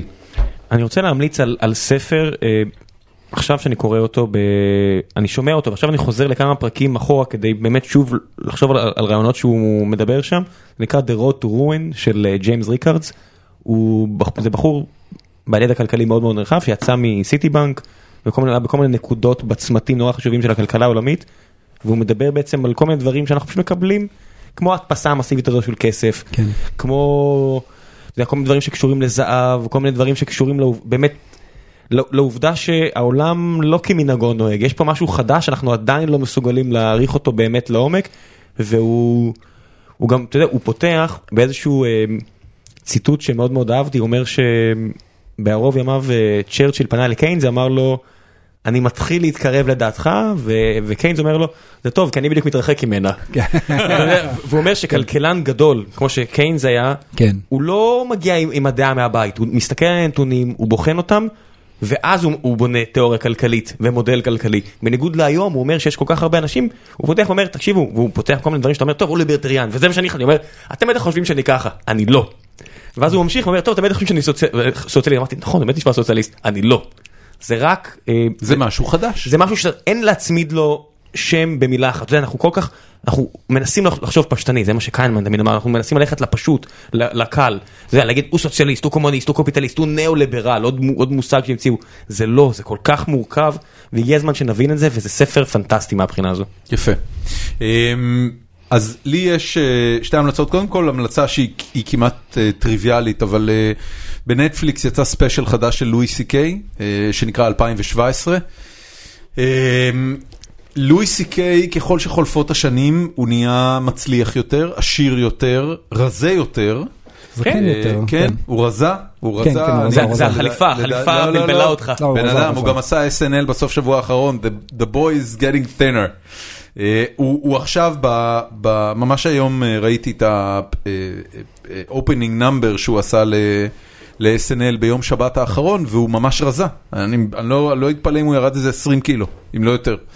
אה, הספיישל הזה, אה, הוא נראה הכי שמח שראיתי אותו הרבה מאוד זמן. והחומרים שהוא מתעסק בהם הם אפלים וקודרים יותר מכל דבר אחר שאני זוכר. באמת, ממש, ממש הארדקור. אני, אני, אני אגיד בזהירות שלא הייתי נותן לילדים אפילו בגיל 18 לראות את זה. כאילו זה, אתה צריך להיות בן 25 כדי שזה לא ממש אז יזעזע אותך. אני ארכב על ההצלחה, על ההמלצה שלך ואני אתן עוד המלצה, סרט שנקרא טרומבו, טרמבו, זה על אה, תסריטאי בהוליווד של בדיוק לפני המרכז... טרמבו. טרמבו שבדיוק אני שהתחיל זוכר המק- את זה. בדיוק שהתחיל המקארתיזם ולואי ס- לואי משחק שם, באמת? כן, ויש לו תפקיד סופר מגניב, כי הוא משחק בדיוק את עצמו אבל לא מצליח ודי עני, אבל ממש את עצמו, ובאמת תפקיד מקסים שנתנו לו. יפה, נשים לינקים. כן. אה, בקיצור, הספיישל הזה 2017, מה יש להגיד? הבנתי שזה גם ההופעה שהייתה בארץ, אני לא ראיתי אותו בארץ, אבל הבנתי שזה אותה הופעה שהוא עשה בארץ. אה, ואפילו קראתי מישהו שכתב שבארץ הוא עשה את החומרים האלה בצורה טובה יותר.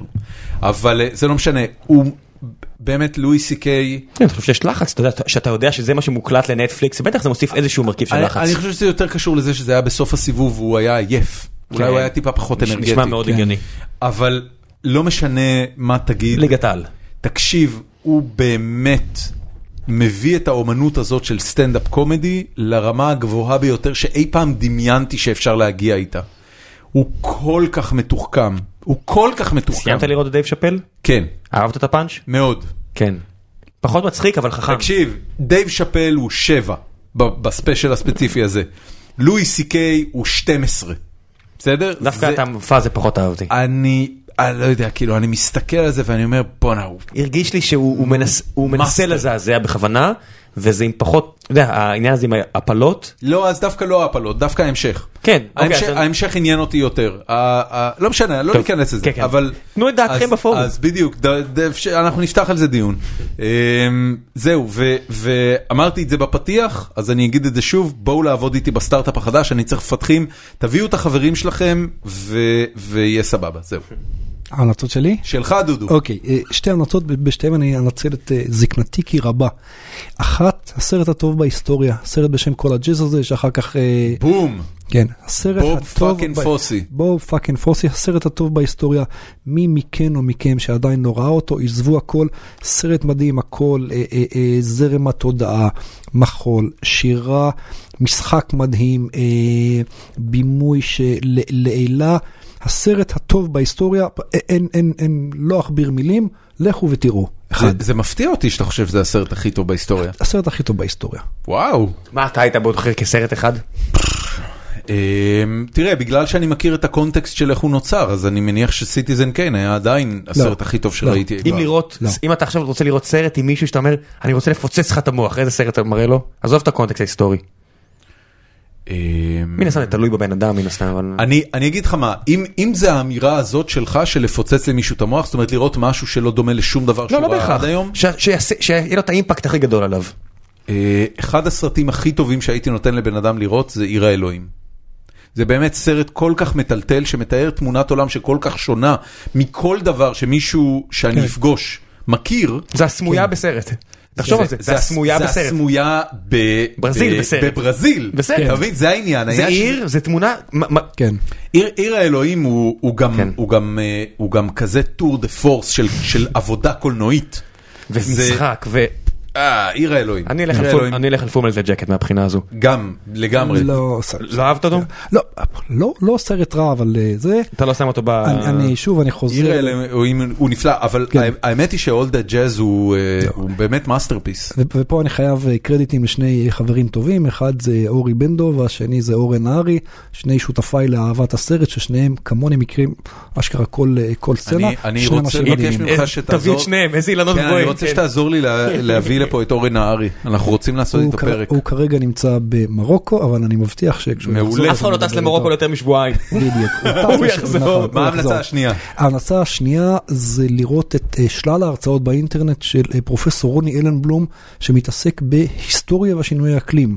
אוקיי, עוד בן אדם שאנחנו רוצים, תביא אותו. לגמרי. האיש, פרופסור רוני אלנבלום, האיש ששינה את חקר ההיסטוריה מן הקצה אל הקצה, בעיניי הטוב בהיסטוריונים החיים. אה, אני יודע שדעתי אה, ייחודית בהקשר הזה, בניגוד לכל הג'אז הזה שיש לי שותפים רבים. איש מדהים, באמת איש ששינה את, שינה את כל הדרך שבה אנחנו לומדים היסטוריה, שינה את כל על הדרך קצה המזלג במה? הוא שינה אותה? אה, בהתייחסות ל- אה, למקורות מידע. עד, עד אלנבלום ההנחה הייתה שמידע כתוב, כאילו מידע שהוא מידע מתווך, אה, לא משנה אם בצורה של ספרים, בצורה של מלחמות היהודים. זה כל ההיסטוריה שיש לנו פה, מספר כן, אחד. של סופר אחד. כן, אז אה, ההנחה הייתה שזה אה, מידע מאוד לא מדויק, ושמידע פיזי, לא משנה כרגע אם זה טבעות של עצים או פחמן 14 או מה זה, זה מידע מאוד מדויק. הטענה שלו היא טענה הפוכה לגמרי, היא אומרת שמידע כתוב, ברגע שאתה יודע לאסוף אותו נכון, ברגע שאתה יודע לנתח אותו נכון, זה המידע הכי מדויק שלי יש. מה זה? הוא מדויק בין אה, אה, סדר גודל לשלושה ארבעה סדרי גודל יותר מאשר המידע הפיזי. ועל ידי שימוש ב... במגוון מקורות כתובים, אתה יכול להגיע לרמות דיוק של חקר היסטורי, ששום מידע פיזי לא יכול לדגדג אותם אפילו, והוא פיתח תיאוריה שלמה סביב זה, אני לגמרי אמליץ לכם אה, אה, לראיין אותו פעם. ממש איש, אהבתי. איש מדהים, ספציפית יש לו שורת הרצאות ש, אה, אה, ביוטיוב על היסטוריה ושינוי אקלים, באנגלית? בעברית, בעברית? מה, השפעה של שינוי אקלים על ההיסטוריה האנושית? כן, ב- באיזה אוניברסיטה הוא? באוניברסיטה העברית. עכשיו יפה. שוב, אדם, תחשוב רק על אפריקה, אתה יודע שאתה אומר, הספינקס, יש עדיין סימנים על כך שהיה גשם כבד עליו, זה רק לפני כמה אלפי שנים, או הסהרה, ש- שעכשיו זה מדבר נוראי, וזה לא היה ככה כל הש- לפני הרבה כן, שנים. כן. עכשיו, באמת מה ש... זה חומר מאוד נגיש ביוטיוב, בעברית, אנחנו פשוט. נשים לינקים. עכשיו, גם, גם אה, אה, האיש עצמו לגמרי לא מחזיק מעצמו סופרסטאר, נהדר, נהדר. נחמד, נחמד ונעים, כן. דודו קינן, המון המון תודה לך שבאת, לכבוד הוא לי. ושיהיה לכולנו... אה, יש לכם עוד שותפים אתה אילן מאור? מי עוד מהקבוצה הזאת אפשר אה, להביא? חכה, אנחנו נחלוב ממנו. כן. אה, שיהיה לכולם חג שמח, זאת ההזדמנות שלנו. בכוונה הקלטנו את הפרק הזה ביום ראשון כדי שנוכל לשחרר אותו לפני הסדר. אה, יש לכם הרבה פקקים. יש לכם הרבה פקקים להאזין לגיקונומי, אבל האמת היא, אני, אני רק אומר באופן אישי, פסח הוא החג האהוב עליי, החג העברי האהוב עליי. אני מאוד אוהב את העובדה שיש לנו חג שלם סביב נושא החירות, אני כן. מאוד אוהב את הסיפור של יציאת מצרים, זה כאילו, אתה יודע, זה אחד הסיפורים הכי טובים שאני שוס. מכיר אי פעם, יש פירוטכניקה ואפקטים וניסים ו whatever. זה הפקה אחת שיצאה משליטה. לא? תקשיב. זה בן אדם אחד זה- שאומר, we are going all out. מי, מי, ש, מי שחושב שמשחקי הכס זה מגניב, אז fucking עשר מכות, אתה יודע, כן. מי יכול לבוא עם רעיון כזה? עשר? רק עוד אחרי עשר מכות היה לך מרדפים עם אה, עם chariots. כן. פתיחה, פתיחת ים, בקיצור, masterpiece, אין מה להגיד. לגמרי, לגמרי, זה- זה חג גם- גם פנטסטי. גם ברמת הקונספט וגם ברמת כן, הביצוע, כן, לגמרי. כן, כן, אז אני, אני ממליץ לכם אה, לחגוג אותו כמו שצריך, להתעמק בהגדה, לא באספקטים התיאולוגיים שלה, אלא פשוט בגלל שזה אחלה סיפור. זה הכל. הפקה מטורפת. חג שמח לכולם ונתראה בחול המועד, ביי. תודה לכולכם.